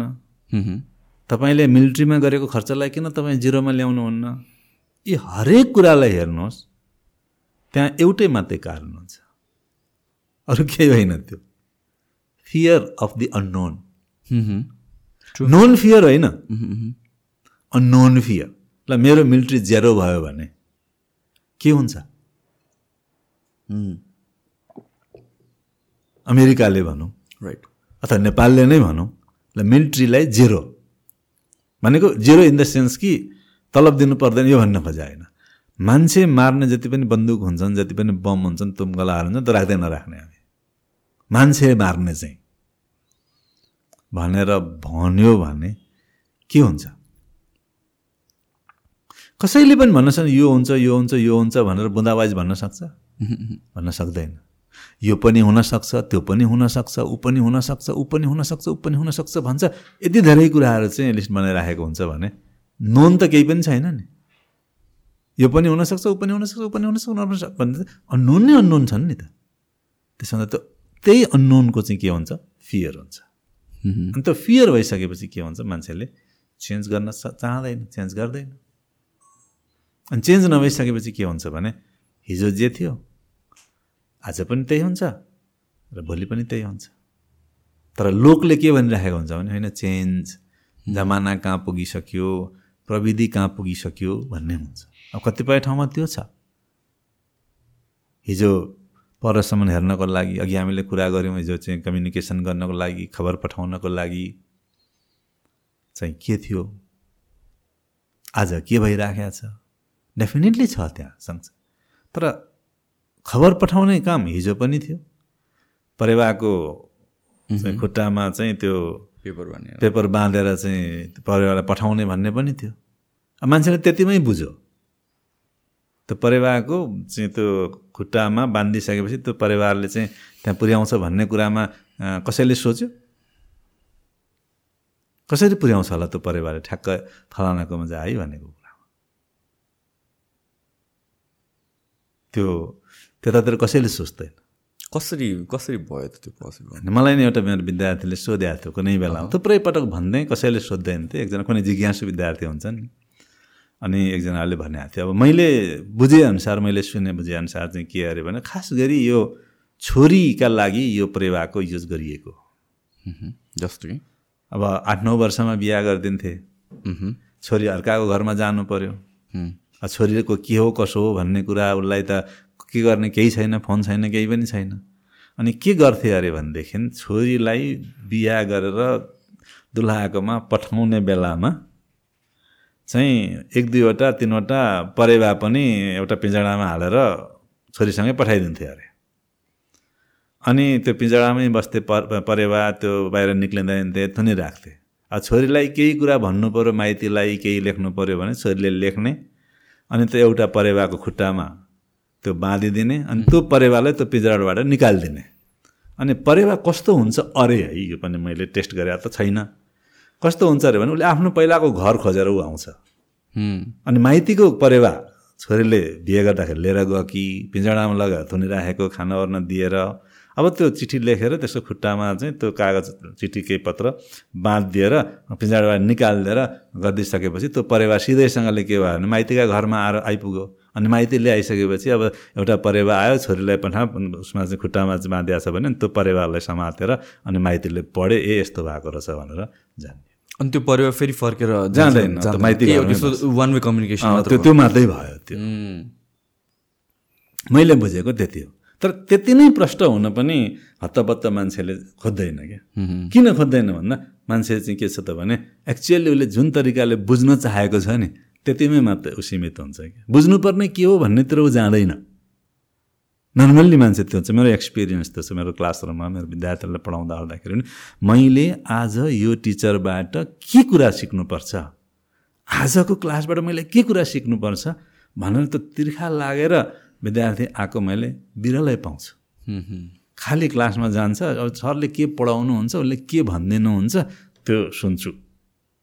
भन्ने तरिकाले मात्रै आइडिया हुन्छ। र कतिपय त सरले जे जे भन्नुहुन्छ मैले त्यही त्यही सुन्दै राख्ने हो। भनेर चुप्प लागेर बसिराख्ने पनि विद्यार्थी भेटिन्छ। इज दिस बिकज हाम्रो एजुकेसन सिस्टममा हामीहरूले यत्रो धेरै सब्जेक्ट्सहरू छ हामीलाई इन्ट्रेस्ट नभएको सब्जेक्ट्सहरू पनि पढ्नुपर्ने हुन्छ अनि त्यो ओभरलोड भएर त्यस्तो भएर गएको हो कि? किनभने फर इक्जाम्पल चाहिँ मलाई कुनै सब्जेक्टमा इन्ट्रेस्ट अरे साइकोलोजीमा इन्ट्रेस्ट अरे। एउटा या दुईवटा सब्जेक्ट या तिनवटा सब्जेक्ट मलाई इन्ट्रेस्ट भएको मात्र सब्जेक्ट्स भयो भने त्यसपछि म एन्टिसिपेट गर्छु नि त यो क्लासको लागि अनि त्यसपछि मोर इन्टरेक्ट गर्छु। तर मलाई चाहिँ म्याथ्समा इन्ट्रेस्ट नै छैन मलाई म्याथ्स पढ्नु परिरहेछ या भन्छ इङ्ग्लिसमा इन्ट्रेस्ट छैन मलाई इङ्ग्लिस पढ्नु परिरहेछ भनेपछि जुन कम्पलसरी दसवटा आठवटा दसवटा सब्जेक्ट छ र प्लस द वे एउटा स्टुडेन्टको अब्जेक्टिभ के हो त यो सेमेस्टरमा भनेर भनेपछि मार्क्स ल्याउने। मार्क्स ल्याउने भनेपछि मलाई के क्वेसन सोधिन्छ होला most probably in the exam त्यसको बेसिसमा मात्र बस्छु जुन हाम्रो के भन्छ त्यसलाई अलरेडी करिकुलम दिएको हुन्छ त्यसैमा बस्छु भनेर हुँदाखेरि त्योभन्दा आउटसाइड क्वेसन नै नगर्ने त्यो बिल्ड हुँदै आएको कि बच्चादेखि नै। किनभने the way I see it that's how it goes म स्टुडेन्टहरू भएर आउँदाखेरि पनि हाम्रो गोल के हुन्थ्यो भने चाहिँ एन्ड गोल यो सेमेस्टर पास गर्नु छ मलाई। यो यो क्वेसनहरू आउँछ होला। होइन? परेवा युज गरिन्छ कि गरिँदैन कम्युनिकेसनमा त्यो आउँछ होला। परेवा किन घर फर्केर जान्छ त्यो आउँदैन होला भनेर। त्यो इक्जाम ओरिएन्टेड हाम्रो सिस्टम भएर हो कि। हो। यो एक्चुअली त्यही थिङ हो फेरि we are also immune to change जस्तै अहिले तपाईँले दससम्म विद्यार्थीलाई टेस्ट किन लिनु पर्यो? नलिनुहोस् यो। जाँच नलिनुहोस्। विद्यार्थीले त पढ्ने भनेको जाँचका लागि मात्रै पढे। त्यही नै हो। जाँचका लागि मात्रै पढे जाँच दिइसके विद्यार्थीले मात्रै होइन। मैले त के भन्ने गरेको छु भनेदेखि तपाईँ लोकसेवा आयोगको कुराहरू भन्नुहोस्। म प्रतिस्पर्धाबाट आएको हो भनेर भन्ने जुन प्रतिस्पर्धा हो छानिने भन्ने हो। मेरो बुझाइ के छ भनेदेखि म लोकसेवा आयोगमा उदाहरणको लागि पास गरेर मैले एक नम्बरमा नाम निकालेँ। भने त्यही क्वेसन मलाई छ महिना पछाडि या तिन महिना पछाडि दिनुहोस् म फेरि एक नम्बरमा नाम निकाल्छु। निकाल्छ। छैन। अनि मैले एक ल त्यो भयो। भनेपछि मेरो त्यो लोकसेवाको तयारी अथवा मेरो कम्पिटेन्सीको जुन चाहिँ प्रिपरेसन के भने त्यो इक्जाम चान्समा नाम निकाल्नु जेलमा मात्रै सीमित भयो। त्यो पछाडि त चाहिएन नि। ल ओके फाइन मैले एक नम्बरमा नाम निकालेर लोकसेवा आयोगले मलाई एक नम्बरमा सिफारिस गरेर पठायो भने म जुन फिल्डमा मेरो जुन काम काममा जुन मन्त्रालय विभागमा गएर मैले काम गर्नुपर्ने हो म नम्बर वान पर्फर्मर हुन्छु त्यहाँ। छैन ग्यारेन्टी छँदै छैन। मैले धेरै अगाडि एउटा रिसर्च पनि गरेको थिएँ are gold medalist everywhere the coming as a gold medal everywhere there is no strong relationship त्यसो हुँदाखेरि यो परीक्षाका लागि पढ्ने चलन छ। यो परीक्षा हटाइदिउँ। भन्यो भनेदेखि कोही मान्दैन नि। के हुन्छ भनेर भन्यो भने अघि भने जस्तो फियर अफ द अननोन अनि कसैले यस्तो काहीँ नभएको कुरा गर्छ? फिनल्यान्डमा हेर्नु त जहाँ चाहिँ हुँदैन स्कुलमा। र हाम्रो सब्जेक्ट्स पनि एकदम बेसी भयो जस्तो लाग्छ कि मलाई. I mean like basics like साइन्सको बेसिक्स म्याथमेटिक्सको बेसिक्स बेस ग्राउन्डसम्म चाहिन्छ फन्डामेन्टल्ससम्म चाहिन्छ. तर after a while I think once फन्डामेन्टल्सहरू थाहा भइसकेपछि एउटा टेस्ट पाइसकेपछि more streamline more niche जानुपर्छ जस्तो लाग्छ कि द्याट वे किनभने स्टुडेन्ट्सको दिमाग या ह्युमनको दिमाग दसवटा ठाउँमा त एक्सपर्ट त हुन सक्दैन नि त ऊ। उसलाई न्यारो डाउन गरेर तिनवटा चारवटा सब्जेक्टमा राख्नु पऱ्यो कि। हामीहरूको why do we still have दसवटा पन्ध्रवटा दसवटा बाह्रवटा सब्जेक्ट्सहरू त्यो पनि हाई स्कुलसम्म मेजोरिटी अफ सब्जेक्ट्सहरू कम्पलसरी नै हुन्छ। ब्याचलर्समा गएपछि अलिकति अप्सन छ त्यही पनि त्यो स्ट्रिम लाइन छँदै छैन क्या अहिलेसम्म पनि। त्यो इन इट्स सेल्फ एउटा इन्भाइरोमेन्ट हामीलाई दिँदैन whereby we can dive deep into a subject र अर्को कुरा त्यही अघि इक्जामको कुरा हो क्वेसन हो कुरा आउँछ कि rather than project based or performance based एउटा जजमेन्टको सट्टा त्यो तिन घन्टाको इक्जाममा एउटा स्टुडेन्टले सेमेस्टरभरि के सिक्यो त्यो मेमोराइज गर्न सक्यो कि सकेन। मेम मेमोरीको कम्पिटेन्स टेस्ट गर्ने त हो नि त। सो यो दुइटा यो दुइटा कुराले गरेर चाहिँ I think most of the students even मेरो इक्जाम्पल लिँदा म पनि आइटी स्टुडेन्ट हो होइन? मैले पनि Java C plus plus everything गरे हो। तर the moment I graduated majority of information गइसक्यो क्या एन्ड यहाँ हामीहरूको अब आई डोन्ट नो ग्लोबली के भइरहेको छ। हाम्रो केसमा चाहिँ when I talk to lot of टिचर्सहरू या भन्छ people who train teachers majority of पिपलको complain नै यही आउँछ कि like we are so much focused on memory rather than learning एकदम शत प्रतिशत ठिक हो त्यो। किनभने त्यो चाहिँ कहाँबाट सुरु भएको छ? हाम्रो सोसाइटीमा भने चाहिँ घर परिवारबाटै सुरु भएको छ।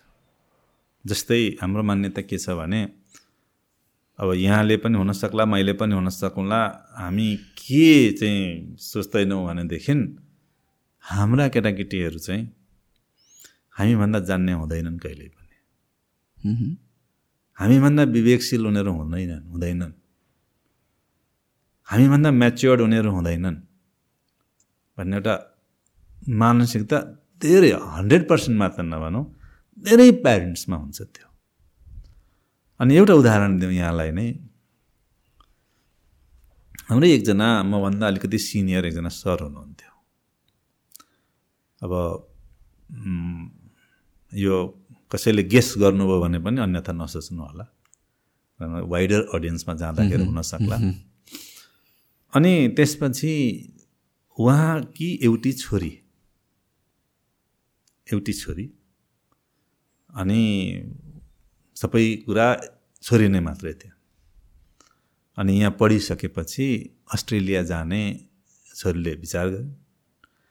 अनि बाबु चाहिँ अब युनिभर्सिटीतिरै भएको हुनाले बाबुले हुन्छ भनेर भने तर आमालाई छोरीलाई अस्ट्रेलिया पठाउन मन पनि छ। तर छोरी आफ्नो नजरमा टाढा गएको चाहिँ पटक्कै हुन्छ नि छोरीले के गर्ली कसो होला यता होला त्यता होला भन्ने उहाँलाई चिन्ता थियो। अनि हुँदै हुँदै पछि के भइसकेछ भने अब ऊ पनि गयो ऊ पनि गयो अर्को पनि गयो अर्को पनि गयो त्यहाँ अस्ट्रेलियामा गयो करियर बनाएँ सबै गरेँ अनि अस्ट्रेलिया घुम्नका लागि चाहिँ अब बाबुआमालाई लगेँ बोलाएँ। त्यसले पछि के भएछ भनेदेखि त्यो आमालाई चाहिँ अब छोरी अस्ट्रेलिया जाओस् भन्ने भयो। आफ्नोले होइन अरूको देखेर। अरूका छोरी अरूका चाहिँ गएर त्यहाँ राम्रो गरेर चाहिँ पछि यसरी बाबुआमालाई उहाँ लगेको भन्ने कुराले म्यामलाई चाहिँ प्रभाव पारेछ उहाँ चाहिँ छोरी जाओस् भन्नु। तर म्यामको चाहिँ एउटा के थियो त भने छोरीको प्रतिको माया बाबुको भन्दा धेरै थियो।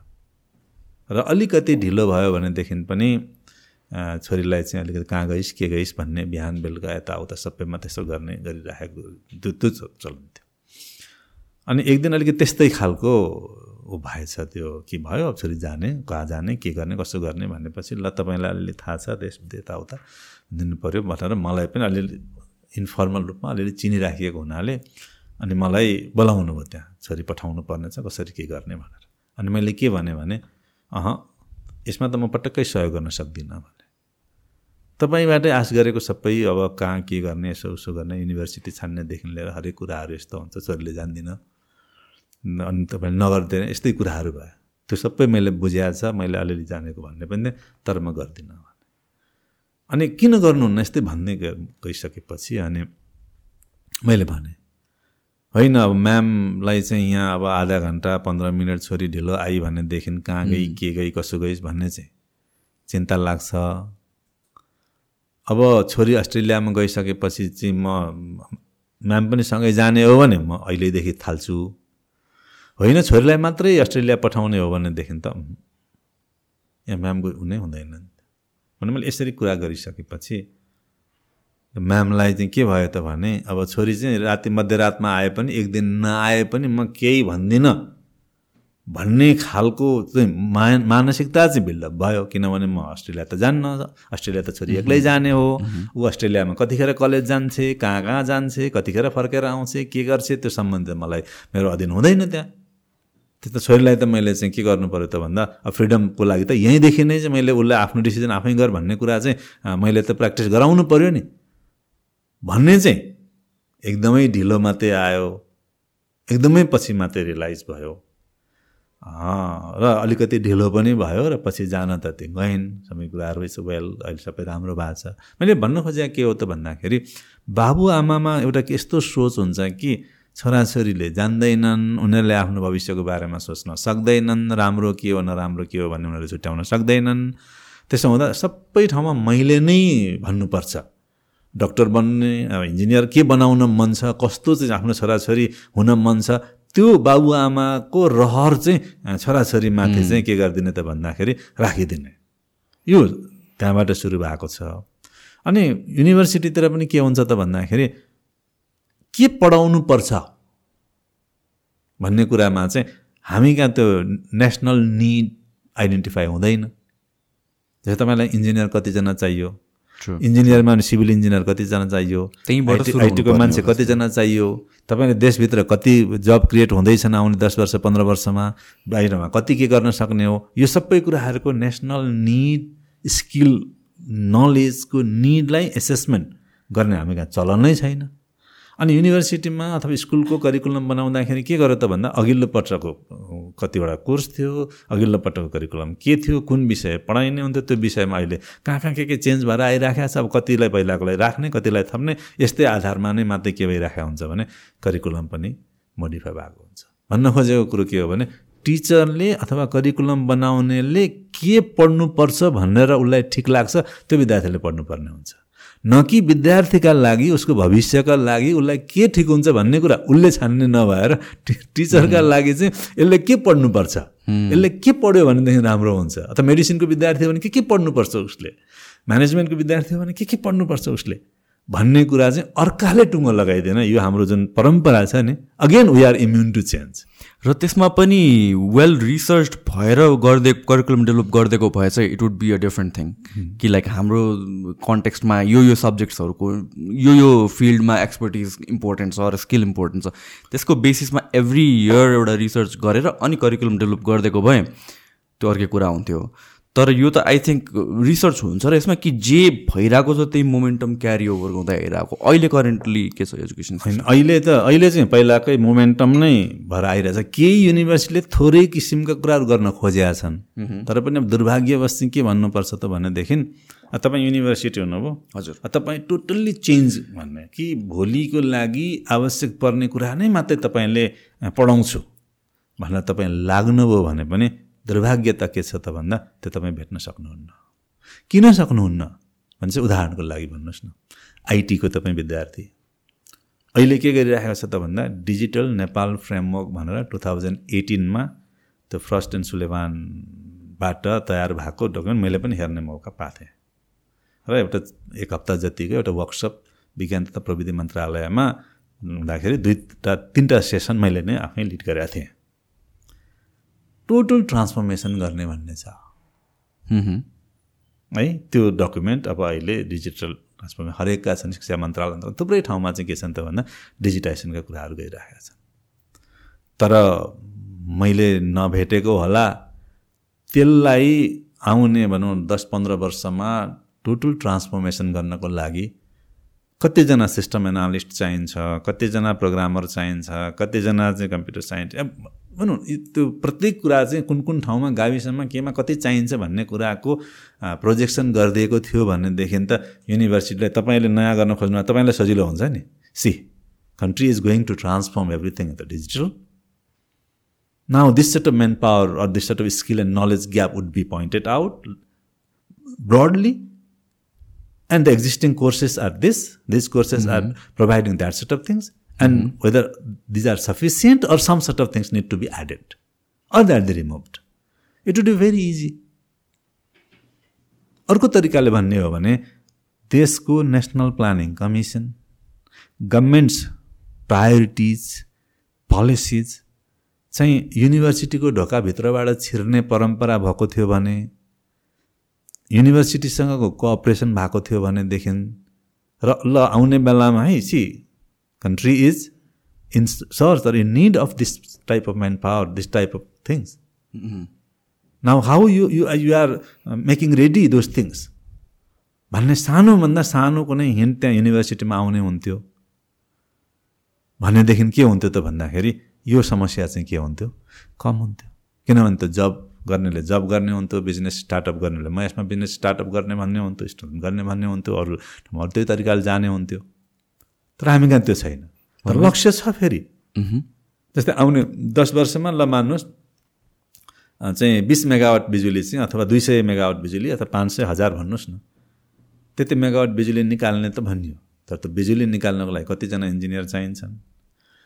कतिजना मेकानिकल चाहिएलान् कतिजना इलेक्ट्रिकल चाहिएलान् कतिजना सिभिल चाहिएलान् अरू एकाउन्टेन्ट कति चाहिएलान् एडमिनिस्ट्रेटर कति चाहिएलान् कति म्यान पावर कति जब क्रिएट हुन्छ कुन आयोजनाको पिरियडमा र त्यो जबको लागि चाहिँ पुरा हुन सक्ने स्किल हामी अलरेडी छ कि छैन भन्ने सामान्यभन्दा सामान्य कुरा गरेको थियो भने नि अहिले युनिभर्सिटीका कोर्सहरू युरोपमा बस्ने थिएन।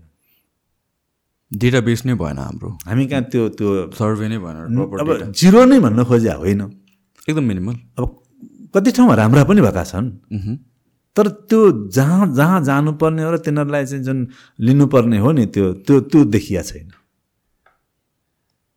देखिया छैन। एजुकेसन सिस्टम र जब मार्केट त सिङ्क्रोनाइज हुनु पऱ्यो नि त। That is one of the I think the biggest reason यहाँ अनइम्प्लोइमेन्ट छ अन्त अपर्च्युनिटी छैन अनि मान्छेहरू बाहिर जान्छ किनभने there might be requirement in certain fields तर त्यो अनुसारको डेटा अनुसारले अगाडिबाटै कल्टिभेट गरेर चाहिँ लगेको छैन। अब त्यो चाहिँ इट डिपेन्ड्स होइन? अब सबै हन्ड्रेड पर्सेन्ट त जब ओरिएन्टेड भन्ने पनि इट मे नट बी होइन? For example somebody wish to know about that the Raute language भन्नुहोस् न। राउटेको भाषामा उसले स्टडी गर्नुपर्ने भयो अथवा हिन्दुइजमको बारेमा उसले पढ्नुपर्ने भयो बुद्धिज्मको बारेमा उसले पढ्नुपर्ने भयो पनि अब त्यो जान्ने मन लाग्यो कसैलाई लाग्न सक्ने हुन्छ। भने मे नट बी ग्यारेन्टिङ जब होइन एउटा डेटा मात्र देखाइदियो भने पनि त्यो एजुकेटेड चोइस भयो नि त मेरोलाई त। एजुकेटेड डेफिनेट जब मार्केटमा सबै नै जब मार्केटकै लागि जानुपर्छ भन्ने चाहिँ भएन होइन। तर जब हामी डेभलपमेन्टको कुराहरू गर्छौँ जब हामी म्यानेजमेन्टका कुराहरू गर्छौँ र म्यानेजमेन्ट सबैतिर चाहिने कुराहरू यसलाई एडप्ट गर्नुपर्छ भन्छौँ भनेदेखि म्यानेजमेन्टले बेसिकल्ली के गर्ने हो त भन्दाखेरि त्यो रिसिप्रोसिटीलाई हेर्ने अघि नैदेखि सुरु भनिराखेको। अब गभर्मेन्टको पनि प्लानिङ र प्रायोरिटी हुन्छ डेफिनेटली त रिसिप्रोसिटी कसरी हुने युनिभर्सिटी र गभर्मेन्टको बिचमा? त्यहाँ चाहिँ जुन लिङ्क नै हुँदैन भनेदेखि रिसिप्रोसिटीको लागि त दुई दुवै किसिमको एक्सचेन्ज हुनु पऱ्यो नि। युनिभर्सिटीमा यी यी कुराहरू पढाइ हुँदै जान्छन्। यी यी किसिमको नयाँ एक्सपेरिमेन्ट भएको छ। ल्याबमा यस्तो यस्तो कुराहरू भएको छ। नयाँ नयाँ इन्भेन्सन यस्ता यस्ता भइरहेका छन्। होइन? इनोभेसनका कुराहरू यो यो भइरहेका छन्। यहाँ एक्सपेरिमेन्ट भइरहेको छ। ल भरि कोभिडको भ्याक्सिन चाहिँ यहाँ यो यो ल्याबमा चाहिँ हुन लागिरहेको छ। क्यान्सरको त्यहाँ हुन लागिरहेको छ। इन्जिनियरिङमा यो डिजाइन चाहिँ टेस्ट भइराखेको छ। मेकानिकलमा त्यो मेसिनको लागि यो यी सबै गर्ने युनिभर्सिटीमा हुन्छन् नि। ती टेस्ट भइरहेको छ तिनीहरू आउटकम आइरहेको छ नयाँ मोडल आइरहेको छ नयाँ फर्मुला बनिरहेको छ नयाँ मेटलाई चाहिँ त्यसलाई चाहिँ अब मेटेरियलाइज गर्ने त्यसलाई कमर्सियलाइज गर्ने त्यसलाई सोसाइटीमा ट्रान्सफर गराउनको लागि गभर्मेन्टले प्लान बनाउने एउटा त्यो पाटो हुनु पऱ्यो अर्कोतिर गभर्मेन्टको विस छ यो स्ट्राटेजी छ यति पावर प्लान्ट जेनेरेट गर्ने एग्रिकल्चरमा यति रोजगार सिर्जना गर्ने हाइड्रो इलेक्ट्रिसिटी यो गराउने उता ट्रान्सपोर्टेसन यति गर्ने सडक यति किलोमिटर भनौँ यहाँ जे जति किसिमले गभर्मेन्टले गर्न खोजिएको छ त्यसका लागि चाहिने म्यान पावर हामी तयार गर्न सक्छौँ कि सक्दैनौँ भन्ने किसिमको कुरा युनिभर्सिटीमा भएर त्यो रिसिप्रोसिटी मिल्यो भनेदेखि त सजिलो हुन्छ नि। किनभने हामीले अहिले भइरहेको नलेजलाई मात्रै ट्रान्सफर गर्ने होइन नि। हामीले त नयाँ नलेज पनि ल्याउनु पऱ्यो अनि नयाँ नलेज ल्याउनको लागि त एक्सपेरिमेन्ट कसले गर्छ टेस्ट कसले गर्छ इनोभेसन मोडलहरू कहाँ हुन्छ? धेरै जस्तो त युनिभर्सिटीलाई सजिलो हुन्छ। अमेरिकामा हेर्नुहोस् त। केही कम्पनीहरूले आफ्नो रिसर्च गरेर प्रडक्ट मोडिफाई गर्छ। तपाईँ आइटीको विद्यार्थी जति पनि कुराहरू आए जस्तै टेलिभिजनमा एडभान्समेन्ट हुँदै आयो एलसिडीका कुराहरू आयो फोर के आयो यो आयो त्यो आयो युएसपीका कुराहरू आयो एचडिएमआई सबै कुराहरू सबै कम्पनीले इन्भेन्ट गरे हो र। कति युनिभर्सिटीसँग पार्टनरसिपमा चाहिँ रिसर्च गरे हुन्छ कति गरिराखेको हुन्छन् त्यो आउटकम आयो। अब ल एउटा चाहिँ युएसपीको चाहिँ कन्सेप्ट आयो भनेदेखि त्यसलाई चाहिँ टे टिभी सिट टेलिभिजन सेटमा हाल्नका लागि त पहिला डेभलप भयो अनि हालियो नि यहाँ। अब होइन छैन भनेको त नयाँ इन्भेस्टमेन्ट नयाँ कुरा केही आउँदै आउँदैन। त्यसो हुँदाखेरि के हो भने यो टु वे ट्राफिक भनेको रिसिप्रोसिटी चाहिँ के हुने भयो भने त्यो मिल्ने भइदियो भने के हुने हो भने अब अहिले चाहिँ के हुन्छ म्यानेजमेन्टको चाहिँ अब प्रिन्सिपल जुन कोर प्रिन्सिपल हो त्यो लागु हुने हुन्छ त्यो। तर थुप्रैको बुझाइ के छ म्यानेजमेन्ट भनेको चाहिँ बिजनेस गर्नका लागि हो। यो बिजनेसको लागि नाफा कमाउनको लागि हो ट्रेडका लागि हो कमर्सका लागि हो योहरूमा छैन भन्ने भइसकेपछि के हुन्छ त भने यी कुराहरू मिसिङ हुन्छ छुट्या छुट्टै हुन्छ सबै कुरा। र specially in terms of education अघि तपाईँले भन्नुभएको जस्तो यो जुन इम्युनिटीको कुरा हो छ त्यो आजको भोलि चेन्ज हुँदैन। तर हामीले प्रोजेक्ट गर्नु पऱ्यो कि टेन इयर्स पछि चेन्ज देखिने हो भने त आजबाट सुरु गर्नु पऱ्यो नि त। अनि सबभन्दा सबभन्दा ठुलो कुरो के चाहिन्छ भने if we need to be change if that before that you have to have one thing are you going to be adaptive or you are going to make others adaptive त्यो मेन क्वेसन त्यहीँबाट सुरु हुन्छ। त्यसैले तपाईँ adaptive हुने हो भने you have to do certain things अरूलाई एडप्टिभ बनाउने हो भने you have to do something else त्यसैले विकासको कुरा गर्दाखेरि एजुकेसन एडभान्समेन्टको कुरा गर्दाखेरि probably partially Darwin is still correct hundred percent त होइन सर्भाइभल टु द फिटेस्ट तर you have to be adaptive you have to be updated why you need to be updated because you have to be adaptive मिल्नु पऱ्यो तर अरूलाई adaptive बनाउने हो? भने you are imposing so many things अघि हामीले एजुकेसनमा कुरा गऱ्यौँ नि त यही पढ्नुपर्ने भने। You are not being adaptive you are making others adaptive किन सबै विद्यार्थीले एडप्ट हुनु पऱ्यो त्यो सिस्टममा? त सिस्टमले जे भनेको छ त्यसमा त्यसलाई चाहिँ फलो गर्नु पऱ्यो बाबुआमाले जे जे भन्छन् छोराछोरीले त्यो मान्नु पऱ्यो मैले यो भनेको इन्फ्यान्टको कुरा गरे होइन। त्यसैले हेऱ्यो भने जस्तो अमेरिकामा भन्न सबै मान्छेको अमेरिका किन ड्रिमल्यान्ड छ? भन्दा एक्काइस वर्ष बाइस वर्ष कति छ तिनीहरूको एउटा एज लिमिट त्यो भइसकेपछि बाबुआमाको मनमा के हुन्छ भने यो छोरा या छोरी चाहिँ अब बाहिर जाओस्। एक्लै बसोस्। उनीहरूलाई यो एक्लै कसरी बस्छ कसरी बस्छ के खान्छ के खान्न जागिर कहाँ पाउँछ पाउँदैन कसरी यो चिन्ता हुँदैन उनीहरूलाई। जाऊ। छोराछोरी पनि के हुन्छ भने म एक्काइस वर्ष पुगेँ अब पुगेँ। अब म बाबुआमा घरमा बस्ने होइन मैले अब। म बाहिर जानुपर्छ मैले आफै बाबुआमाले ठाउँ खोज्ने होइन। आफै ठाउँ खोज्नुपर्छ बाबुआमाले जागिर खोज्ने होइन। मैले आफै जागिर खोज्नुपर्छ र सबै कुरा मैले गर्नुपर्छ। भन्ने छोराछोरीमा पनि हुन्छ। धेरै जसो है टिपिकल चाहिँ भनेको अब नेपाली गएर चाहिँ त्यहाँ अमेरिकामा बसेका छन् भारतीय गएर अमेरिकामा बसेका छन् यताको संस्कार उनीहरूले लगाएका छन् यो फरक कुराहरू हुने हो। तर कोर अमेरिकनमा हेऱ्यो भनेदेखि उनीहरूसँग त्यो अवस्था छ। त्यो किन उनीहरूले गरे त? भन्दाखेरि they need to be adapted उनीहरूले दुनियाँ बुझ्नु पऱ्यो उनीहरूले जान्नु पऱ्यो आफू नै सेल्फ चाहिँ सस्टेन हुनलाई के गर्ने हो? त्यो दुनियाँलाई उनीहरू देख्नु पऱ्यो भनेर उनीहरू भन्छन्। तर हामीहरूको भन्छन्? भन्दैन। जस्तै म गएँ त बाबु बाजेकै खेतीपाती जग्गा जमिन छ गरेर खानाका लागि किन गर्नु पऱ्यो अरू? भन्ने अवस्था छ त्यहाँ। त्यसो हुँदाखेरि हामी के गर्छौँ त भन्दा अरूलाई एडप्टिभ बनाउन हामीले खोज्छौँ। अब यो ठिक हो बेठिक हो? विश्लेषण आफ्नो आफ्नो ठाउँमा हुन्छ। त्यसैले तपाईँ अरूलाई एडप्टिभ बनाउन खोज्नुहुन्छ भने अरूको इम्युनिटी ब्रेक गर्नु पऱ्यो आफू एडप्टिभ हुन चाहनुहुन्छ भने आफ्नो इम्युनिटी ब्रेक गर्नु पऱ्यो पहिला। अनि अब इम्युनिटी ब्रेक गर्न के गर्नुपर्छ? आइदर अरूको होस् अथवा तपाईँको होस्। एउटा के गर्नु पऱ्यो अनलर्निङ गर्नु पऱ्यो अब मान्छेलाई सबैको बुझाइ के छ भने learning is more difficult unlearning is very very easy भन्ने छ इट्स कम्प्लिटली अपोजिट त्यो अपोजिट हुन्छ। अब अहिले हामी भेट भयौँ। अब बाहिर काहीँ देख्दा ओर्दाखेरि कुनै पनि ठाउँमा अब यो टोटल्ली बिर्सिन न तपाईँले मलाई सक्नुहुन्छ न मैले सक्छु। लर्न हामीले एकअर्कामा चिन्यो। चिन्नको लागि बिर्सिन त सकिँदैन। तर कति चाँडै चिनिन्छ कति चाँडै चाहिँ हुन्छ त्यो हेक्कै हुँदैन। लर्निङ हुन्छ। त्यसैले सिगरेट खाने मान्छेले कसरी सिगरेट खान सिक्छ उसलाई हेबिचुअल कसरी भयो रक्सी खाने मान्छे कसरी हेबिचुअल भयो भन्ने कुराहरू हेक्कै नभइकन त्यो लागिसकेको हुन्छ तर जब त्यसलाई अनलर्न गर्नु पऱ्यो अब म चाहिँ सिगरेट खाने थिइनँ कहिले पनि म चाहिँ त्यो रक्सी रक्सी थिइनँ भनेर भन्ने अवस्थामा उसलाई पुग्नको लागि त भेरी डिफिकल्ट त्यसो हुँदाखेरि त्यसो भएको हुनाले आफू अनलर्न गर्नका लागि आफूलाई कठिन हुने हुनाले अनि मान्छेको टेन्डेन्सी स्वभाव कस्तो हुन्छ त भन्दा अरूलाई एडप्टिभ बनाऊ। राइट जस्तै मैले कोर्समा अब म बिस वर्षदेखि म्याथमेटिक्स पढाइराखेको छु अथवा कुनै एउटा सिप के भनौँ न अब चाहिँ मैले चाहिँ डिबेस पढाइराखेको छु। मलाई डिबेसमा एकदमसँगले चाहिँ के छ त भन्दाखेरि कमान्ड छ म एकदम राम्रो छु। तर डिबेसको फ्युचर छैन है अब अरू राम्रो आइसके अब त्यो चाहिँ राखौँ न त यो डिबेस चाहिँ नपढाउँ भनेर भन्यो भने हदैसम्म म के गर्छु भने अब म त्यो चाहिँ अर्को चाहिँ नेट डट नेट फ्रम अर्को जाबा भनौँ या हरेक के के आइरहेको छ अहिले मैले बिर्सिसकेँ। त्यतिर त त्यो राख्यो भने त मैले त के गर्नु म एडप्टिभ हुनु पऱ्यो नि। त्यसैले बरु अरू नै होस् अहिले चाहिँ के छ भने त्यो पढ्ने भनेको छ अनि त्यही पढ्ने भन्ने चाहेको छ त्यही कोर्स हुन्छ त्यही पुराना कोर्सहरू हुन्छन् थपिए पनि अलिकति नयाँ आउँछन्।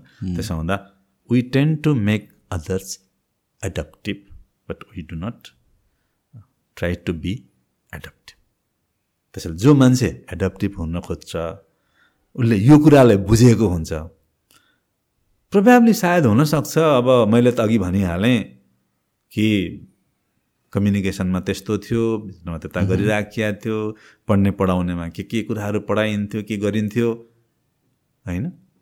भने अब सम्भवतः अहिले तपाईँसँग आएर यति कुरा गर्न सक्ने अवस्था मेरो हुँदैन थियो होला।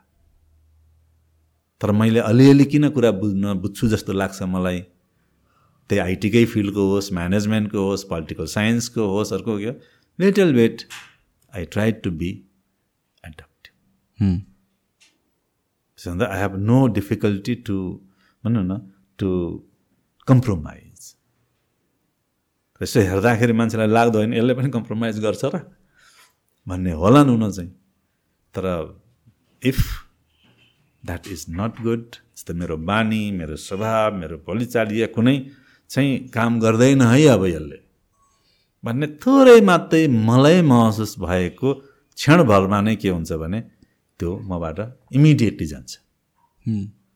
तर त्यो थोरै मात्रै थाहा नहुन्जेलसम्म त कन्टिन्यू भइ नै राखेको हुन्छ। ट्रु त्यसो हुँदा हामीले if we need to be adaptive भन्छ म त के भन्छु we have to be adaptive and we have to break the immunity and we have to build the immunity also त्यो त मेरो मोडल पनि छ कि अब जुन चाहिँदैनन् हामीलाई ती कुराहरू हामीले छोड्नुपर्छ। त्यो कुरा हामीले त्याग्नुपर्छ र जुन कुरा दिनका लागि आवश्यक हुन्छन् त्यसका लागि हामी लाग्नुपर्ने हुन्छ। Yeah same thing with theory of evolution यही त हो नि। होइन लाइक ह्युमन्स इभल्भ हुँदै आउँदाखेरि क्लजहरू हट हट्यो अन्त पुच्छर हट्यो and all that थिङ्सहरू things that were not necessary eventually नेचरमा पनि हुने त्यही त हो। इभ इभोल्युसन भने नि त्यो चिजहरू हट्दै जान्छ। जे कुरा नेसेसिटी हुन्छ जे कुरा हामीलाई चाहिन्छ त्यो मोर डेभलप हुँदै जान्छ। And that's how you know the fittest one survives भनेको त्यही त कुरा हो नि। त्यो त्यो एउटा पा एउटा हाइपोथेसिस हो त्यो। कि अब पुच्छर थियो अथवा सबैसँग पुच्छर थियो पछि बिस्तारै पुच्छर खिँदै गयो यो रूपमा आयो अथवा चार खुट्टा टेकेर पहिला हिँड्थ्यो बिस्तारै बिस्तारै हुँदै गए ठाडो हुने गयो अग्लो गयो दुई खुट्टाले हिँड्ने it's all that the you see is a assumption यो मा मान्छे मरेपछि स्वर्ग जान्छ। अन्त सबै किसिमको के हो त भन्दा एजम्सन नै हुनु चाहिँ। तर इभोल्युसनको जुन पार्ट आइराखेको छ it's not that the every is a linear do you find that the evolution of that the you IT student evolution of that the IT that the information technology the computer technology is it linear it don't be एउटा लेभलसम्म के हुन्छ भने it seems linear अब अहिले जुन बेलामा micro कम्प्युटरको चाहिँ कुराहरू आयो प्रोसेसिङका कुराहरू आयो हिजो चाहिँ त्यो भ्याक्युम ट्युबका कुराहरू थियो कुराहरू थियो त्यहाँ एउटा किसिमको लिनियरिटी थियो तर माइक्रो चिप्सले के गर्दै त्यो चिप्सवालाले अर्को गराइदियो अब भोलि बायो चिप्स आयो भने त्यो लिनियर जाँदैन नि यो त नन लिनियरमा जान्छ नि। But progress is there always broad टर्ममा हेऱ्यो भने चाहिँ प्रोग्रेस देखिन्छ तर भित्रबाट हेर्दाखेरि चाहिँ it it's linear it has a you see is every technology has a life but you link one set of technology next technology you, you can find some sort of evolution that the growth you, you can find that भेट्न सकिन्छ कम्प्युटरको main frame कम्प्युटरदेखि अहिलेसम्मको आउनेसम्ममा हेऱ्यो अरे भने जुन vacuum ट्युबदेखि देखि transistor बल्बहरूदेखिका कुरा जुन लेडी आर्टदेखि नै कुरा गरौँ अथवा चार्ल्स बाबेजदेखि कुरा गरौँ यहाँ हेऱ्यो भने एउटा एउटा इभोल्युसन म्याप त एउटा बनाउन सकिन्छ सक्नु त। तर this does not mean that is a linearity तर व्यापक चेन्जेस भइरहेको हुन्छ नि त्यहाँ। त्यसैले त्यो ह्युमन इभोल्युसनमा नि मान्छे पहिला त्यो पुच्छर थियो त्यो पुच्छर खिँदै गयो यसरी गर्दा बायोलोजिकल सबै त्यही नै हो बाँकी सबै कुरा त्यही नै हो। खालि पुच्छरमा मात्रै चाहिँ त्यो खिने कुराहरू भयो भन्ने कुरामा किन विश्वास गर्ने? भन्नुको मतलब त्यो नै सत्य त होइन नि। त्यो पुच्छर खिन्थ्यो शरीरको एउटा अङ्ग भने हात पनि त खिनु पऱ्यो नि त। त्यो पनि शरीरबाटै निक्लेको चिज हो। खुट्टा खिनु पर्थ्यो होला। त्यो पुच्छरै मात्रै खिँदै जाने भन्ने कुराको जबसम्म त्यसको चाहिँ एभिडेन्स आउँदैन तबसम्म लिनियरिटी छ इभोल्युसनमा भनेर भन्नलाई त गाह्रो हुन्छ। अन्त म अब कुनै त्यस्तो साइन्सको विद्यार्थी होइन तर नर्मल्ली कमन सेन्समा हेर्दाखेरि चाहिँ के हो त भन्दा इभोल्युसनमा लिनियरिटी हुन्छ भन्ने ग्यारेन्टी हुँदैन। बढ्दै जान्छ ऱ्यापिडली जान्छ। होइन? त्यो चल्छ। अब त्यो चल्ने क्रम पनि के हुन्छ भने एउटा सर्टेन टाइम होला। कुनै साल अब हामीको जसरी चाहिँ बच्चा हुन्छ बुढो हुन्छ पछि दारी जुङ्गा आउँछन् पनि फुल्न थाल्छन् झर्न थाल्छन् सेलहरू डिकेट हुँदै हुँदै जान्छन्। यो कहिलेसम्म त? सधैँभरि यस्तै हुन्छ? Maybe thousand one million years होला। कुनै न कुनै ठाउँमा के भइरहेको हुन्छ भने यहाँ पनि के छ भने यो लिनियरिटी चाहिँ ब्रेक हुन्छ। मेरो एजुम्सन थियो त्यो त इभोल्युसन कहाँदेखिको सुरु गर्ने भन्दा जहिलेसम्म हामीसँग साइन्टिफिक एभिडेन्स छ जुन कुरालाई हामीले भेरिफाई गर्न सक्छौँ त्यहाँबाट गरिने कुराहरूमा थुप्रै हदसम्म चाहिँ भेरिफाइड हुनसक्छ। त्योभन्दा अगाडिका चाहिँ के थियो भने पुच्छर थियो पुच्छर चाहिँ घट्यो यो गर्यो त्यो गर्यो भन्ने चाहिँ खालि के हो त भन्दा एउटा कल्पना मात्रै थियो। हिजो चाहिँ अयोध्यामा रामले राज्य गरे कृष्णले द्रोणाचल विन्ध्याचल पर्वत उठाएर ल्यायो यो गरे त्यो गरे भन्ने खालकै खालका जस्ता जस्ता कुराहरूमै जोडिन जान्छ भन्ने मेरो बुझाइ चाहिँ। तर यसको त कति एभिडेन्सेसहरू छ नि त। यो इभल्भ भएको एभोल्युसनको त like there are finding carbon dated के अरे होइन हरू। पुच्छर लामो र छोटो त कहाँ निकालेको छ होइन। सो पुच्छर लामो र छोटो भन्दाखेरि पनि जसरी ह्युमन्सहरू त्यो फोर फिटबाट उठ्न थाल्यो एन्ड अल द्याट थिङ त्यसको त एभोल्युसनको त एउटा छ नि त। स्टडी नै भएको छ एन्थ्रोपोलोजीमा यिनीहरूले कुनै न कुनै एउटा एजम्सन गरिराखेको हुनसक्छ। तर मैले पढेसम्म भेटेअनुसार चाहिँ सबभन्दा पहिला सुरुमा पुच्छर कति लामो थियो कति इन्चको थियो या चाहिँ फिटको थियो। अनि कति हजार या कति लाख वर्षसम्म चाहिँ त्यो त्यति नै फिटको कायम रह्यो। अनि कति लाख कति करोड वर्ष पछाडि चाहिँ त्यो एक फिटले घट्यो। अथवा यो गर्दै गर्दै आयो र कति हजार वर्ष अगाडि चाहिँ ठ्याक्कै जिरो भयो है पुच्छर यहाँ उम्रेको हो भन्ने पनि नाम निशाना नभइकन चाहिँ बस्यो भनेर भन्न सक्ने रिसर्चर त्यो छैन नि। त्यसो हुँदाखेरि के हो त भने यी सबै चाहिँ के हो त भन्दा अब भन्छ नि रामायणमा रामको यो भेटियो महाभारतमा युद्ध गरेको त्यो बेला पाञ्चजन्य सङ्ख्या त्यहाँ भेटियो यो गरियो त्यो गरियो यसरी यहाँ लडाइँ भएको थियो त्यो बेलाको यो त यी साउन्ड हामीले रेकर्ड गऱ्यौँ पहिला यो गर्यो यी सबै पनि छन् नि छन् त। तर नर्मल्ली हेर्दाखेरि एउटा लोकल्ली विश्वास गर्ने खालका सामान्य अर्थमा हेर्ने हुँदाखेरि त्यो भनाइ जति हदसम्म उनीहरूले एभिडेन्स दिइरहेका छन् यतातिर पनि त्योदेखि भाग त ल्याइरहेको हुँदैन।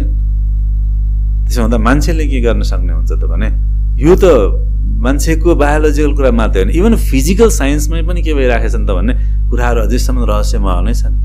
जस्तै ब्ल्याक होलकै कुरा गरौँ। अनि किन त्यस्तो हुन्छ? अब अहिले अब भर्खर उहाँ चाहिँ चिनले बेलायतले प्लान गरिरहेका छन् अब स्पेसमा चाहिँ पावर जेनेरेट गरेर चाहिँ अर्थमा पठाउने। इमिडिएटली त्यो भइराखेको हुनसक्ने अनि यी सबै कुरामा के हुन्छ भने डेभलपमेन्ट हेर्दाखेरि यसो सरस्वती हेर्दा लिनियरिटी देखिने हुन्छ हुन चाहिँ तर actually in fact it is for a certain period of time it looks like linear but normally it is non linear so do you think like के अरे evolution in terms of technology या भन्छ चाहिँ development it as a civilization it takes a step backward at at a certain point अनि होइन। त्यहाँबाट फेरि like two step forward one step back process हुन्छ I don't think so. I don't think so. Because some of the things are still the same things, there is no change. change what we are talking is only the cosmetic things only. There is no, nothing changed totally.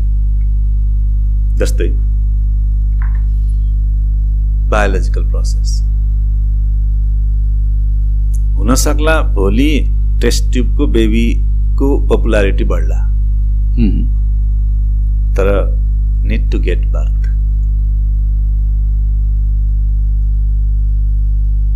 मान्छे जहिलेसम्म मान्छेको लाइफको कुरा गर्छौँ हामीले त्यो बेलासम्म यो बर्थको कुरा हुन्छ। एजिङको कुरा हुन्छ। यो चल्छ। चल्ने नै रहन्छ। अब यसको अर्थ यो होइन कि रिभर्स भएर पहिला जन्मिँदाखेरि चाहिँ सुरु हुँदा चाहिँ एकदम नब्बे सय वर्षको जस्तो भएर जन् आउँछ। अनि त्यस पछाडि ग्रेजुअली चाहिँ के हुन्छ त गर्दा गर्दा आएर पछि अन्तिम हुने बेलामा चाहिँ बच्चा चाहिँ सानो भएर खिएर एकदमै सानो भएर जान्छ। एउटा हाइपोथेसिस त त्यो हुनसक्छ नि। ठुलो भएर निक्लिने. अनि हराउने बेला डिसपियर हुने बेलामा त सानो भएर जाने कति सजिलो छ नि। होइन र? तर जुन प्रक्रिया हो सानो भएर चाहिँ एकदम सूक्ष्म रूपबाट बढ्दै बढ्दै बढ्दै बढ्दै बढ्दै बढ्दै जाने र टोटल कम्प्लिट चाहिँ त्यो अर्गनहरू पार्ट्सहरू सारा सबै भइसकेपछि अनि बल्ल ती सँगै पूर्णताका साथ चाहिँ के गर्ने त भनेदेखि ऊ चाहिँ अब यो उसबाट जाने भन्ने कुरा छ। यो चेन्ज भएको छ र. रिभर्स कसरी हुन्छ? एक स्टेप भनौँ न दुई स्टेप अगाडि एक स्टेप पछाडि भन्ने जस्तो कहाँ आउँछ एउटा। अर्को त्यो त भयो केही चिज। The things what that need तपाईँलाई भोक लाग्छ तपाईँलाई तिर्खा लाग्छ तपाईँलाई रिस उठ्छ तपाईँलाई दया लाग्छ तपाईँलाई माया लाग्छ।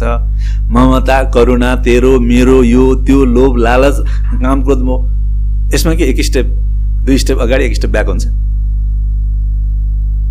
मात्रामा होला कोही अलिक बढी होला कोही अलिकति कम होला कुनै कालखण्डमा बढी पर्ने होला कुनैमा कम पर्ने होला। तर यो हुन्छ हुँदैन। कहाँ हुन्छ? No in in terms of let's say technological एडभान्समेन्टमा जुन हामीले अघि नन लिनियरको कुरा गरेको थियो नि फर इक्जाम्पल एउटा इक्जाम्पल दिन्छु है बाह्र हजार पन्ध्र हजार वर्ष अगाडि लाइक इजिप्सियन सिभिलाइजेसन उनीहरू जुन पिरामिड्सहरू कन्स्ट्रक्ट गर्यो जुन टेक्नोलोजी गर्यो त्यो। अहिले पनि रेप्लिकेट गर्नलाई और अहिले पनि त्यो बेला जहाँ डेभलप भएको थियो अरू इन्फ्रास्ट्रक्चर या टेक्नोलोजी त्यो कसरी बनायो अहिलेसम्म पनि इट्स स्टिल अ क्वेसन र त्यहाँ धेरै थ्योरिजहरू छ।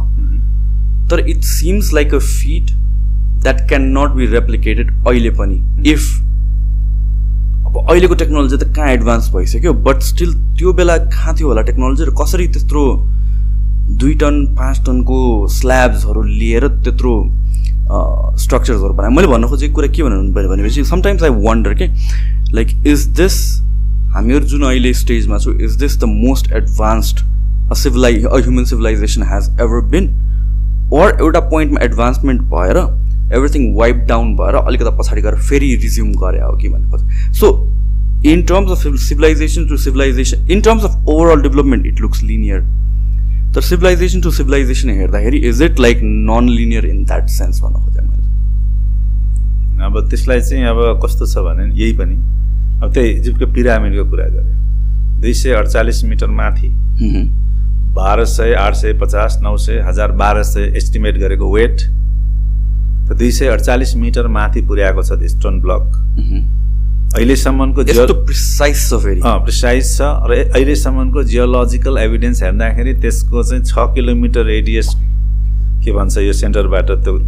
एउटा सर्कलको यहाँदेखि यहाँसम्मकै रेडियस भन्छ होला है। Radius. हो त्यति छ किलोमिटर परसम्म कहीँ पनि प्रमाण छैन कि त्यो स्टोन चाहिँ त्यहाँ थियो।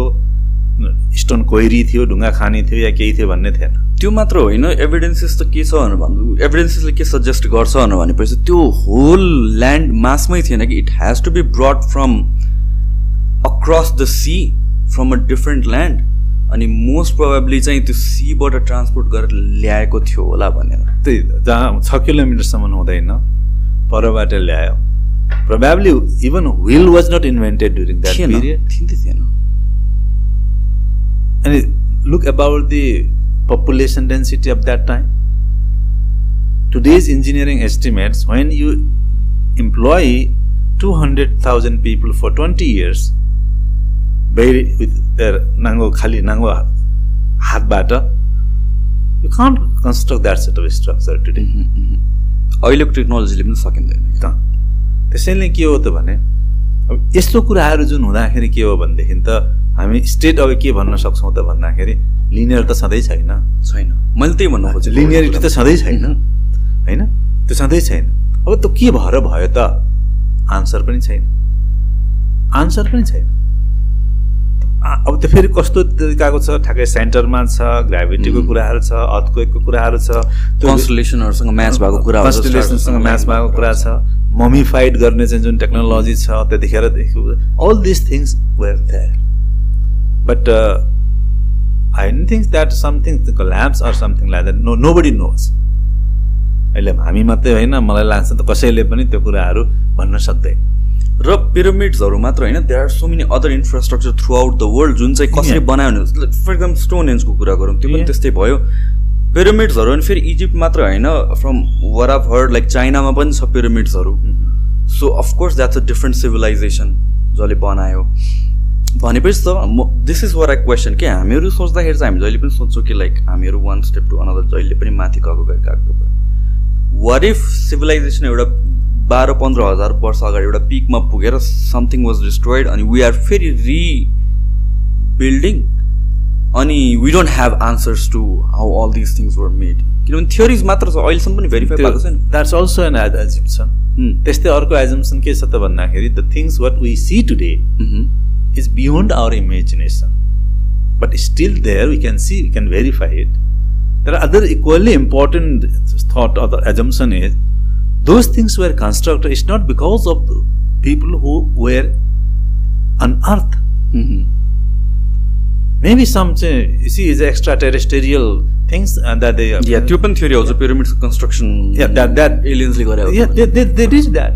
Mm-hmm. But which one is correct? Mm-hmm. So nobody can tell. So if this set of things are there, again the same things. You Hmm. do good things. Mhm. After your death, you straight away go to heaven. So what's the difference between saying this and then the uh, telling all these things?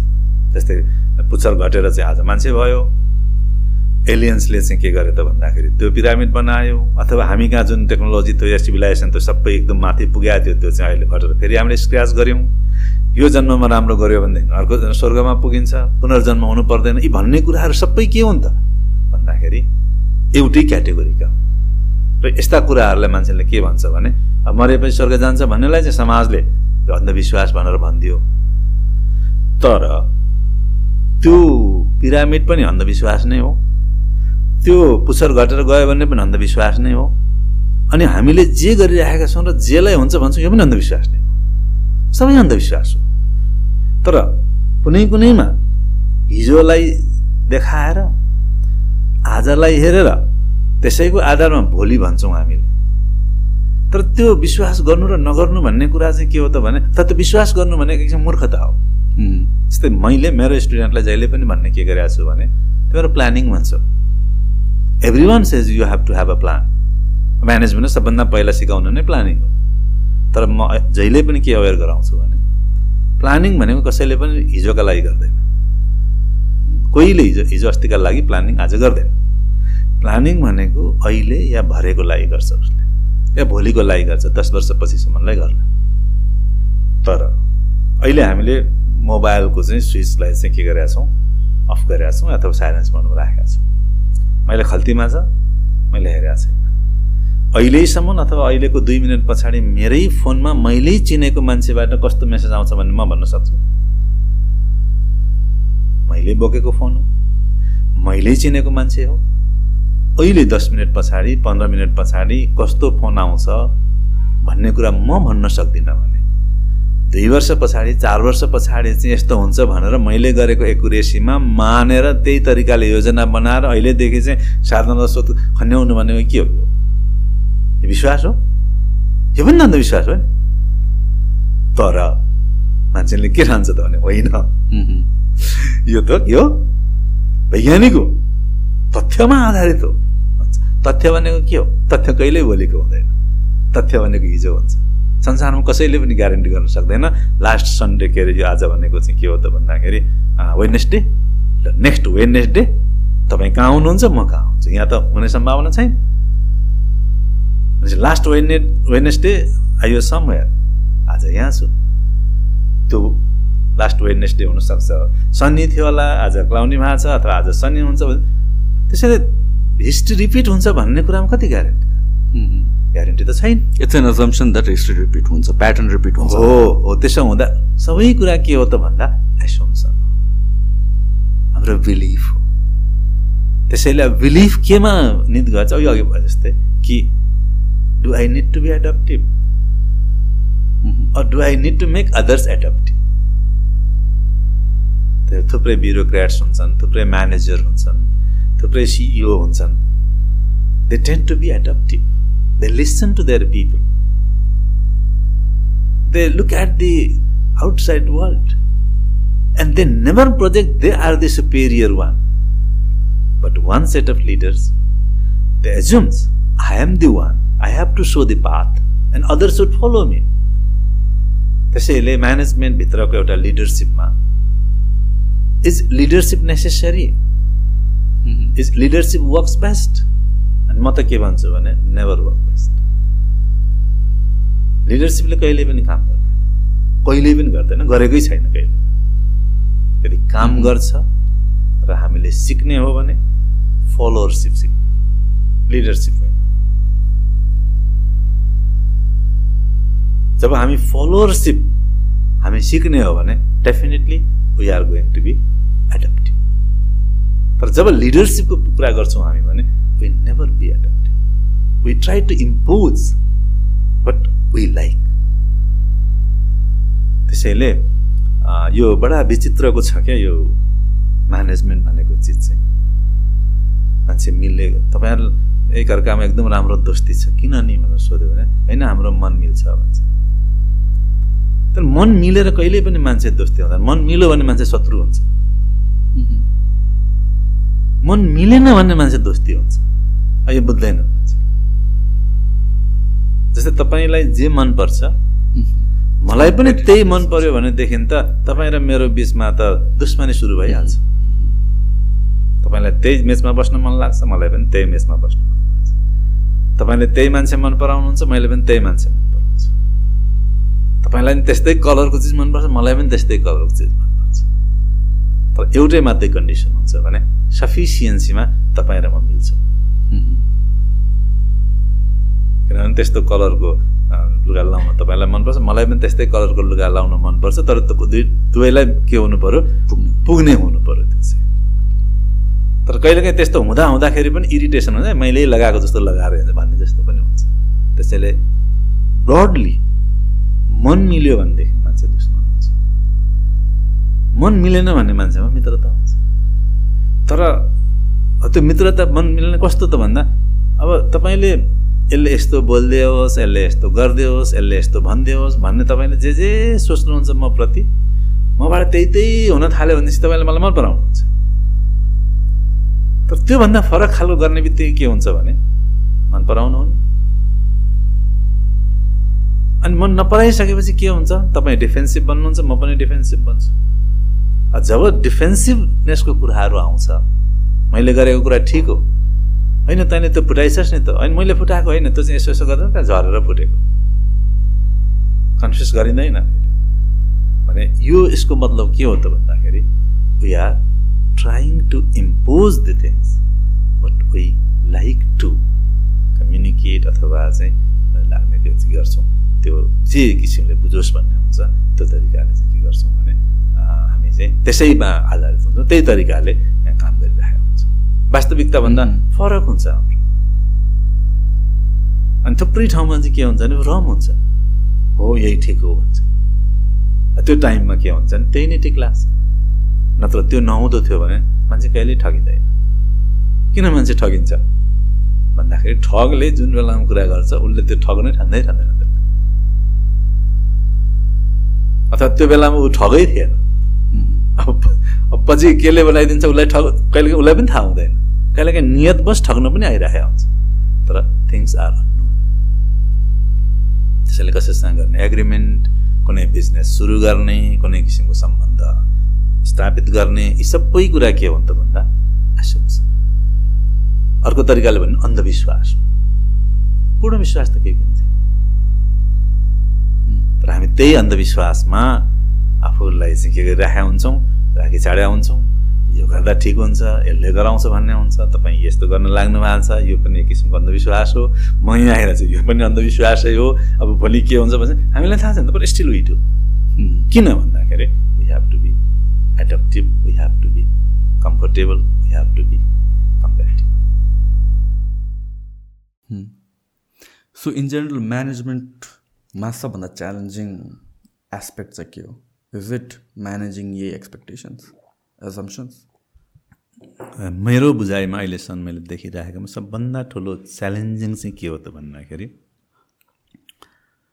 how accurately you read others mind and heart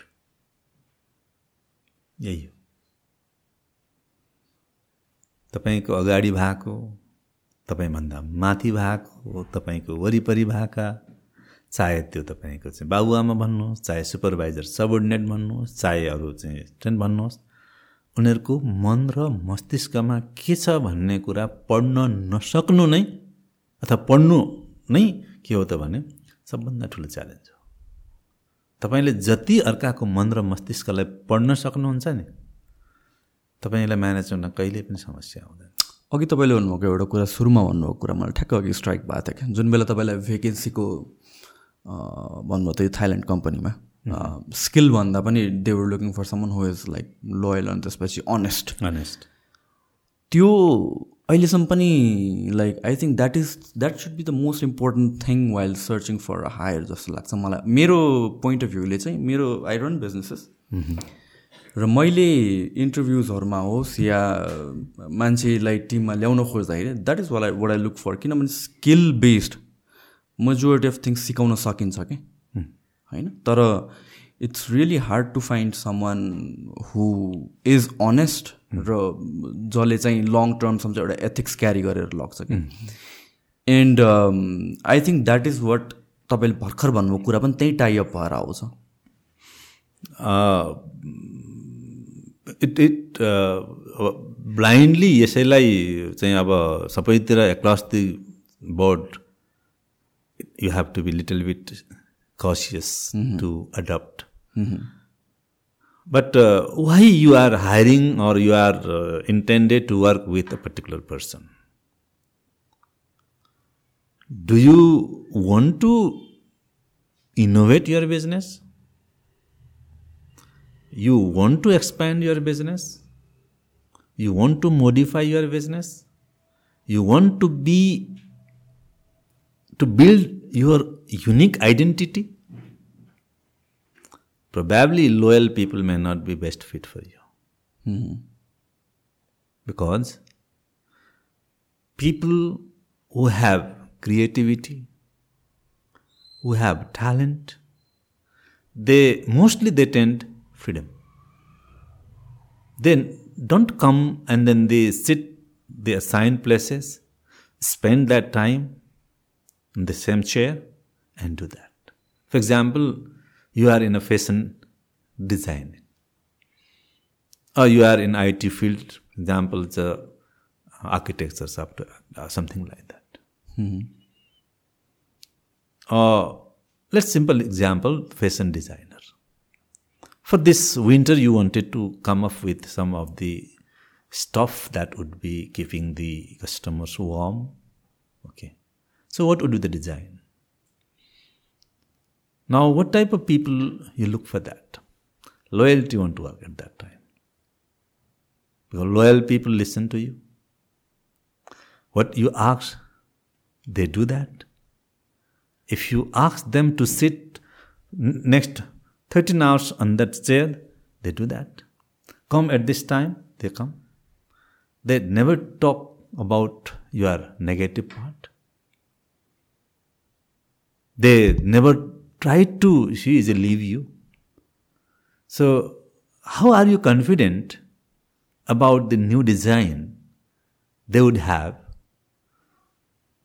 She is uh, by the end of the next week or the next month?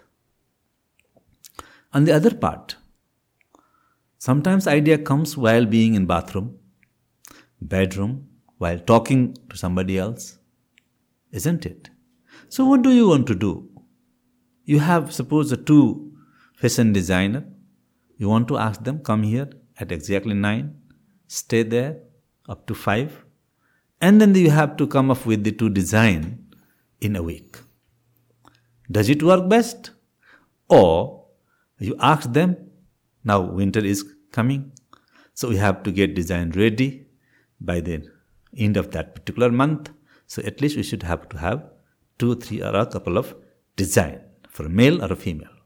So where you do, when you do, how do you do, you do it.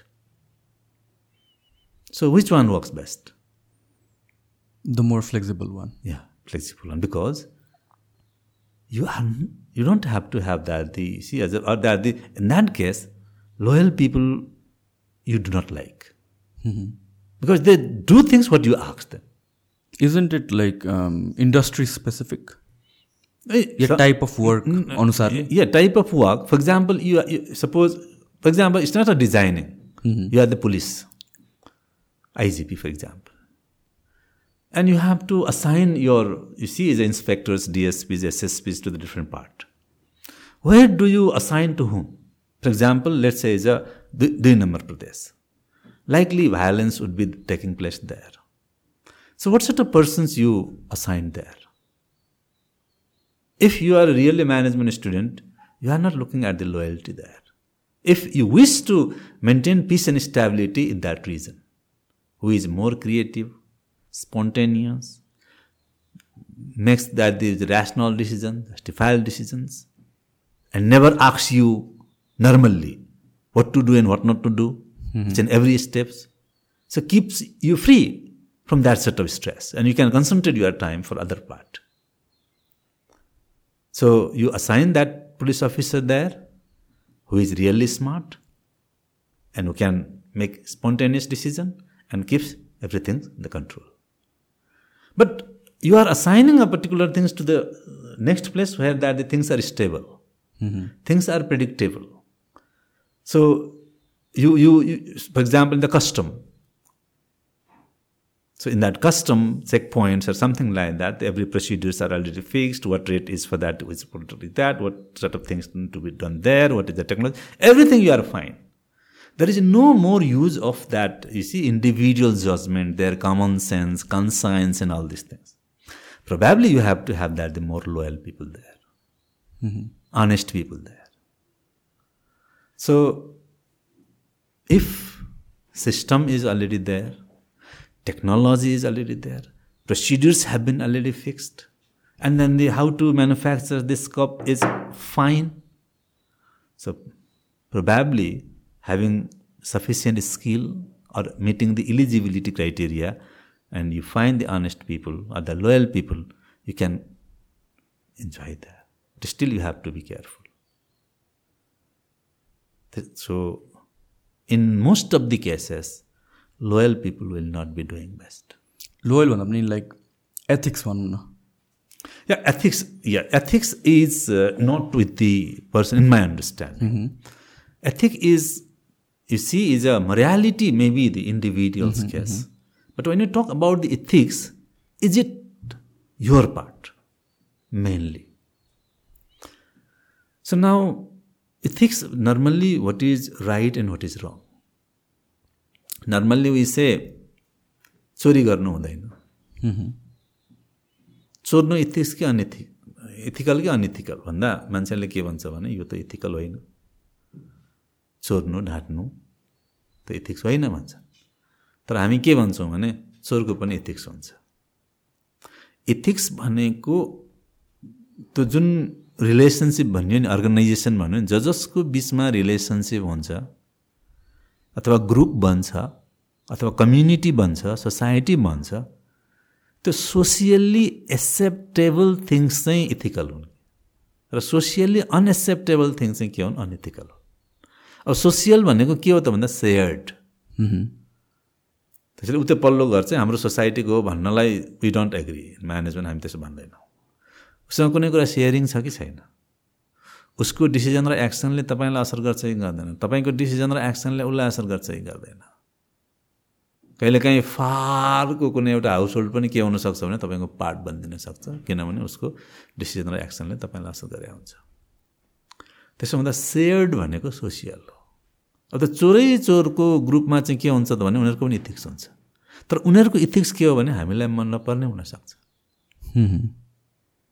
त्यसो हुँदा ethics भनेको चाहिँ के हुन्छ भने अब तपाईँ अन्यथा नसोच्नु होला। अब त्यो बिजनेसमा लागिरहेको छ। उदाहरणको लागि अस्ति गुत्पाक भण्डार देखियो नि त्यहाँ। त्यो गुत्पाक भण्डारमा चाहिँ बजारभरिका डेट एक्सपायर भएका पाउरोटी केक सेकहरू ल्यायो फेरि त्यसलाई पकायो के गर्यो गुत्पाक बनाएर बिक्री गरिदियो। त्यहाँको कर्मचारीलाई थाहा थिएन होला र त्यसो गरेको? भनेन नि कसैले पनि। त्यो नभन्नु इथिकल कि अनइथिकल सम्भवतः त्यो कर्मचारीले भनिदिनु भनेको चाहिँ अनइथिकल हुन्थ्यो होला। तर हाम्रा लागि चाहिँ के हो त भन्दा नभनिदिनु चाहिँ के भयो?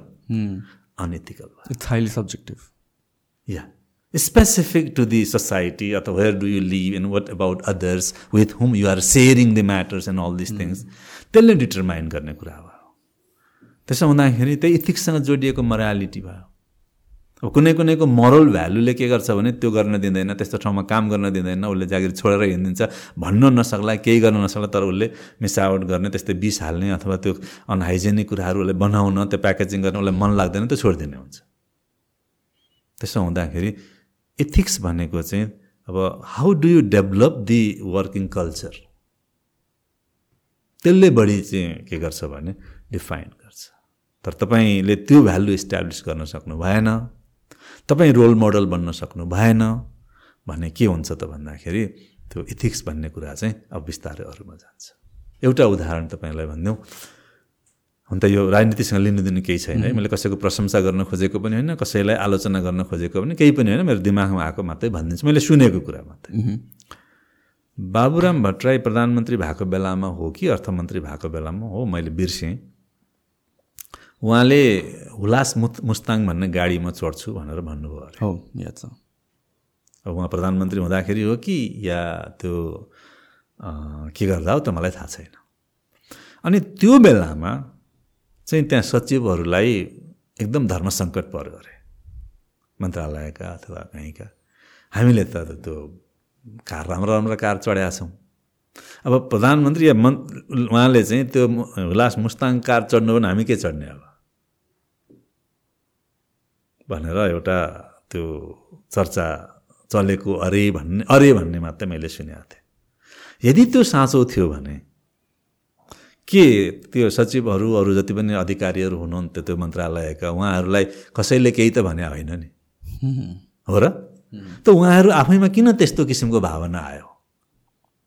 प्रधानमन्त्रीले अथवा मन्त्रीले चाहिँ हुलास शेर्पा गाडी चढेर हिँड्ने अब हामीले कसरी सुहाउँछ त्यस्तो अरू महँगो गाडी चढ्न भन्ने जुन कुरा आएर उहाँहरू के गर्ने भन्ने भयो त्यसका लागि हरेक के गर्नु होला पछि उहाँलाई नै होइन यस्तोमा चढ्नु हुँदैन भनेर कन्भिन्स गर्नु होला आफू चढ्न के त्यो पछिका कुरा भयो। त्यसो हुँदा इथिक्स भनेको के ठिक र के बेठिक भन्ने कुरा चाहिँ त्यो एउटा व्यक्तिमा निर्भर गर्ने कुरा होइन कि। तर अर्को पनि म इक्जाम्पल दिन्छु। मेरो एकजना विद्यार्थीसँग एउटा कार्यालयमा भेट भयो। सरकारी कार्यालयमा पनि राजस्वसँग सम्बन्धित कार्यालयमा। अनि भेट भयो ए तपाईँ यहाँ हुनुहुन्छ भने सर भने आफ्नो शिष्टाचार त्यो सबै कुराहरू भयो। मेरो नि सानो काम थियो त्यो सकियो म निक्लेँ।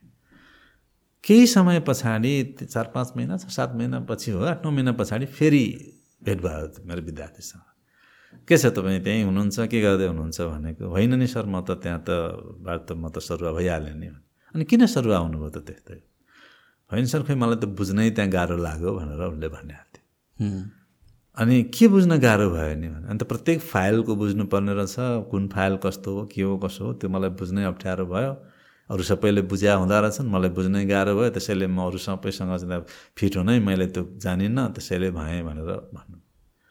अब मैले बुझेको चाहिँ के थियो त भने अब त्यो कुन फाइल प्रोसेस गर्दाखेरि चाहिँ त्यो कसरी गर्नुपर्छ हुनसक्ला सिन अनसिन बेनिफिट त्योसँग जोडिएका के के हुन्छन् ती कुरा नबुझ्या हो कि या के कसो हो अब मेरो बुझाइ चाहिँ के थियो त भन्दा प्रत्येक फाइलसँग केही न केही अनसिन खालका कुराहरू जोडिएका होलान्।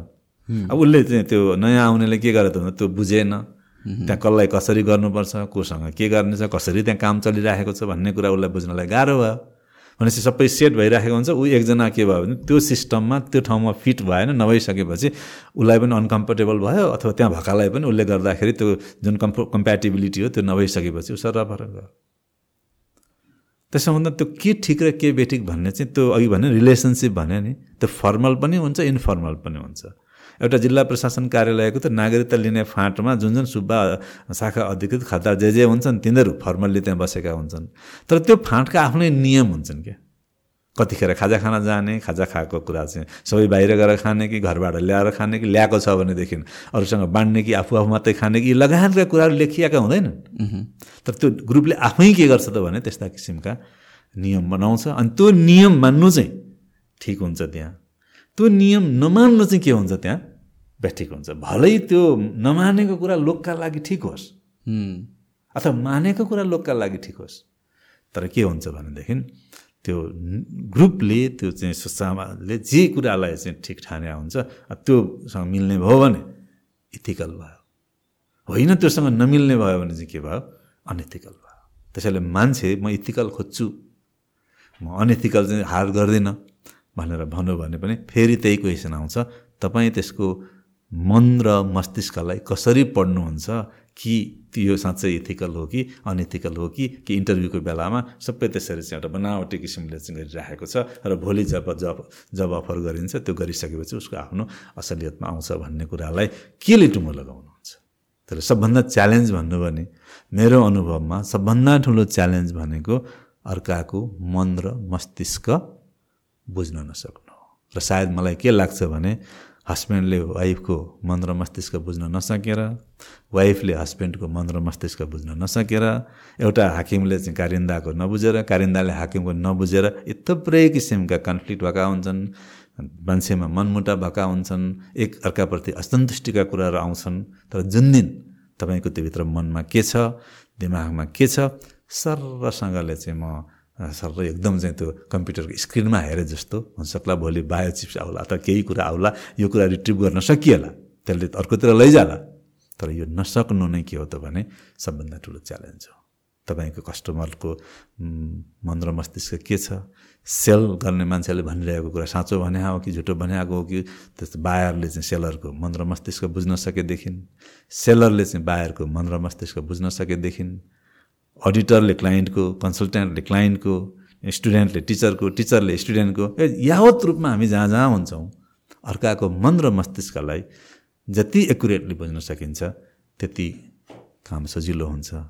जति बुझ्न सकिँदैन त्यति गाह्रो हुन्छ। त्यहाँ के हुन्छ? अन्दाज हुन्छ। अँध्यारोमा झटारो हान्नुपर्छ। अनि त्यसो हुँदा के हुन्छ? त्यो लाग्न पनि सक्छ। त्यो अर्कैतिर लाग्न पनि सक्छ। नलागेर जान पनि सक्छ। त्यसैले अन्धविश्वासै अन्धविश्वासमा के हुन्छ? हामी लागिरहेका हुन्छौँ। भन्नलाई चाहिँ साइन्टिफिक भन्यो इन्फर्मेसन बेस्ड भन्यो एभिडेन्स बेस्ड भन्यो। थुप्रै कुरा हुन्छ। तर त्यो चाहिँ के हुन्छ भने फिजिकल साइन्समा मात्रै हुन्छ। यो सोसियल साइन्स म्यानेजमेन्ट भनेको चाहिँ mostly it's a social science हो। त्यसो हुँदा सोसियल साइन्समा तपाईँले आज कुनै मान्छेसँग कुरा गर्नुहोस् एउटा जोक भन्नुहोस् त्यो मान्छे मजाले हाँस्छ हाँस्छ पेट मिचिमिची हाँस्छ। अब तपाईँले साइन्सले त के भन्छ? भन्दाखेरि कजन इफेक्ट रिलेसनसिप भयो तपाईँले जोक भन्नु त्यो मान्छे हाँस्यो। त्यो मान्छेलाई रुवाउनु छैन तपाईँको उद्देश्य। तपाईँको उद्देश्य त अथवा के त त्यो मान्छे तपाईँबाट किन दुःखी बनाउनु हँसाउनै चाहनुहुन्छ? फेरि पनि तपाईँ त्यही जोक भनिदिनुहोस् हाँस्छ हाँसेको छ। हाँसिदिन सक्ला। तर जुन बेलामा त्यो मान्छेलाई हँसाउनु पर्छ म त्यही जोक भन्छु भनेर तपाईँले त्यो जनरलाइज गर्न सक्नुहुन्छ? उल्टो पनि परिदिन सक्छ। कुनै कुनै बेलामा त्यही जोक भन्दाखेरि त्यो मान्छे इरिटेटिङ हुने उल्टो हाँस्नुको छट्टामा रिसाउन पनि सक्छ। यो हुन्छ के त? Social science. तर फिजिकल साइन्समा तपाईँले बल तल फ्याँक्नु हो भने त्यो माथि आउँछ फेरि फ्याँक्नुहोस् माथि आउँछ जति पटक फ्याँक्नुहोस् त्यो माथि नै आउँछ। त्यसो भन्दा management is mostly social science. That's why the things what work best yesterday the is no guarantee it works best tomorrow यस्ता चाहिँ थुप्रै कुराहरू चाहिँ हुन्छन् यो म्यानेजमेन्टमा चाहिँ भनौँ न। इन्ट्रेस्टिङ आई थिङ्क अब वी सुड एन्ड दिस दुई घन्टाभन्दा बेसी भइसकेको रहेछ। सो मच राजकुमारजी आउनुभएकोमा। इट वाज वन्डरफुल नयाँ पर्सपेक्टिभबाट पनि कति कुराहरू छ। के लास्टमा के भनिदिन्छन् प्लिज एड गर्नुपर्ने के छ मैले छुट्टा के छ? होइन अब थुप्रै कुराहरू भनियो है। अब कुरा गर्दै गर्ने भनौँ न अब दिनभरि नै कुरा गऱ्यो भने पनि अब यो खै मास्टर्स भएर हो कि के हो पनि कुरा गर्नुलाई त कुरा भइ नै रहन्छ। तर पनि तपाईँले जुन गर्नुभएको छ यो एकदमै मलाई नयाँ पनि लाग्यो राम्रो पनि छ। अब यसमा चाहिँ अलिकति भनौँ न हुन त गरिराख्नु पनि भयो होला। बढीभन्दा बढी अडियन्सलाई जुन एकै ठाउँमा चाहिँ भनौँ न बसिरहनु नपर्ने जस्तै हिँड्दाखेरि पनि सुन्न मिल्ने जिम गर्दाखेरि सुन्न मिल्ने यसै भारी नै बोकेर बोकिराखेको छ भने पनि सुन्न मिल्ने गर्ने जस्तो हेर्नु नपर्ने यस्ता कुराहरूमा चाहिँ थाहा छैन अब कतिको हुन्छ अडियन्सहरू कस्तो हुन्छ होइन? तर अलिकति कुनै किसिमका अथवा त्यस्ता कुराहरू हुन् जसबाट चाहिँ के होस् त भने त्यो कुनै पर्टिकुलर सेक्टरको मान्छेले या कसैले इन्जोय त गर्छ नै होइन। सँगसँगै उसले के गरोस् भने केही न केही लेसन पनि लर्न गरोस्। र lesson learn in the sense कि कसैलाई कुनै समस्या होस् र त्यो समस्याको उसले समाधानका कुनै समाधानको बारेमा उसले सोच्न सकोस् या कुनै कुरामा उसलाई चाहिँ बोल्नु छ बोल्नका लागि केही न केही म्याटरहरू चाहिँ त्यो कन्भर्सेसन भनौँ न यस्तो कन्भर्सेसनबाट उसलाई बनोस् अथवा कुनै कुरा उसले बुझ्नु छ त्यो बुझ्नलाई अप्ठ्यारो परिराखेको छ भने सरल तरिकाले त्यो विषयवस्तुको बारेमा बुझोस्। त्यो किसिमले भइदिएदेखि हुन्थ्यो भन्ने लागेको। म्यानेजमेन्टको बारेमा आज हामीले कुरा गऱ्यौँ। अब मलाई ला लागेको छैन कि श्रोताले चाहिँ म्यानेजमेन्टको बारेमा वास्तवमा यसरी बुझ्दै हुन्थ्यो भन्ने जस्तो तरिकाले उहाँहरूले बुझ्नु भएको छ भन्ने। अब मलाई लागेको छैन अब कसरी बुझ्नुहुन्छ त्यो त उहाँहरू पनि थाहा पाउनुहुन्छ होइन? त्यसो हुँदाखेरि कुनै न कुनै किसिमको चाहिँ खास गरी समस्याको समाधान हुने खालको खालतिर डोरियो भनेदेखि गयो भनेदेखि चाहिँ होला जस्तो लाग्छ। र त्यसका लागि अलिकति अब अघि पनि भने जस्तै अब थुप्रै कुराहरूले चाहिँ गमन गरे हुन्छ। तर केही इस्युहरू जुन चाहिँ धेरैभन्दा धेरै मान्छेका लागि चासोको भइरहेको हुन्छ। तर यसको मतलब यो सार्वजनिक महत्त्वको मात्रै भन्न खोज्या होइन। तिनीहरूले नसमेटिएका अब जस्तै उम्, कुनै हुन सक्लान् अब घर आएपछि कुराहरू हुन सक्लान्। अब अघि अहिले मोटामोटी त अलिअलि कुरा पनि आइराखेको थियो। त्यसभित्र डिटेलमै पस्दाखेरि बाबुआमा र छोराछोरीको बिचको खाडलहरू चाहिँ बढिराखेको हुनसक्ला अथवा चाहिँ यो युथहरूको चाहिँ अब आफ्नो ठाउँप्रतिको माया मोह चाहिँ घट्दै गएको अवस्था होला। अथवा मेरो चिज चाहिँ नराम्रो अर्काको चाहिँ चिज राम्रो भन्ने अहिलेको अवस्था जुन छ त्यो सम्बन्धी केही हुने होला। चाहिँ नेपाली भाषामा कुरा गऱ्यो भनेदेखि चाहिँ राम्रो नहुने अङ्ग्रेजी भाषामा गऱ्यो भने राम्रो हुने आफ्नो संस्कार आफ्नो परिवारहरू चाहिँ हुने अर्को चाहिँ हुने भन्ने जस्ता कुराहरू। अल्टिमेटली अब यी ठिक हुने होइनन्। लगायतका सामान्य यस्तै खालका कुराहरू चाहिँ गऱ्यो भनेदेखि सायद केही होला कि? थाहा छैन मलाई अब यसमा सो सो तपाईँलाई कसैले रिच आउट गर्नु पऱ्यो भने कसरी तपाईँलाई भेट्न सकिन्छ? या कन्ट्याक्ट कसरी गर्न सकिन्छ? के छ? इमेलहरू या के या अब मेरो इमेल त त्यही छ। मेरो नाम राजकुमार भट्टराई हो अनि मेरो चाहिँ अहिले क्याम्पस नेपाल कमर्स क्याम्पस हो। त्यसैले इमेलबाट गर्ने भने राज भनौँ आरएजे राज अनि एट द रेट अनि एनसिसी भनेको नेपाल कमर्स क्याम्पसको नेपालको एन कमर्सको सी क्याम्पसको सी गऱ्यो अनि डट गरेर इडिओ भनेको युनिभर्सिटी एजुकेसन भयो डट एनपी इमेलमा त्यहीँबाट थाहा हुन्छ। अब मेरो टेलिफोन नम्बर त्यही nine eight five one one अनि ट्रिपल नाइन फोर एट त्यसैमा फोन गरे पनि हुन्छ। अब अरू माध्यम भनेको चाहिँ अब फेसबुक पनि छ। अनि कहिलेकाहीँ चाहिँ त फेसबुकमा हेरेर अनि मेसेन्जरमा चाहिँ त्यो लेखेर पठाउने पनि हुन्छ। म यस्तो यस्तो हो यसको बारेमा चाहिँ अलिअलि कुरा गर्न चाहिँ मन लागेको थियो। कुन बेलामा हुन्छ के हुन्छ भनेर त्यो लेखेर पठाउनु भयो भनेदेखि चाहिँ म हेर्छु। तर यतिकै कुनै लिङ्क गयो त्यहाँ केही नलेखिकन यस्तो छ भनेदेखि चाहिँ सामान त्यति नै होला भन्छ। फुर्सद भयो भने यसो हेरि पनि हाल्छु नत्र म हेर्दिनँ। त्यसैले फेसबुकबाट पनि त्यसरी गर्नुहुन्छ। अनि रेफरलहरूबाट हुन्छ धेरै जसो चाहिँ अब मेरो कति जति प्रोजेक्ट हुन्छन् कहीँ के हुन्छन् यस्तो कुनै समस्या पऱ्यो ओऱ्यो भने। अब यस्तो छ भन्नुहुन्छ नि कसैले त्यो समस्या लिएर जानुहुन्छ ए यो विषयमा त उहाँलाई भन्यो भनेदेखि हुन्छ भन्नुहुन्छ। अनि उहाँले भन्नुभएको थियो त्यसैले तपाईँलाई लाग्यो मेरो यस्तो समस्या पऱ्यो ल केही गर्नुहुन्छ कि भन्नुहुन्छ। यसरी पनि आइराखेको हुन्छ। ओके सो तपाईँको सबै डिटेल्सहरू हामी डिस्क्रिप्सनमा हालिदिन्छु so hopefully people can reach out to you directly नै यो टपिकहरूमा यहाँ केही समस्या छैन जतिखेर जे गरे पनि। हस् thank you so much thank you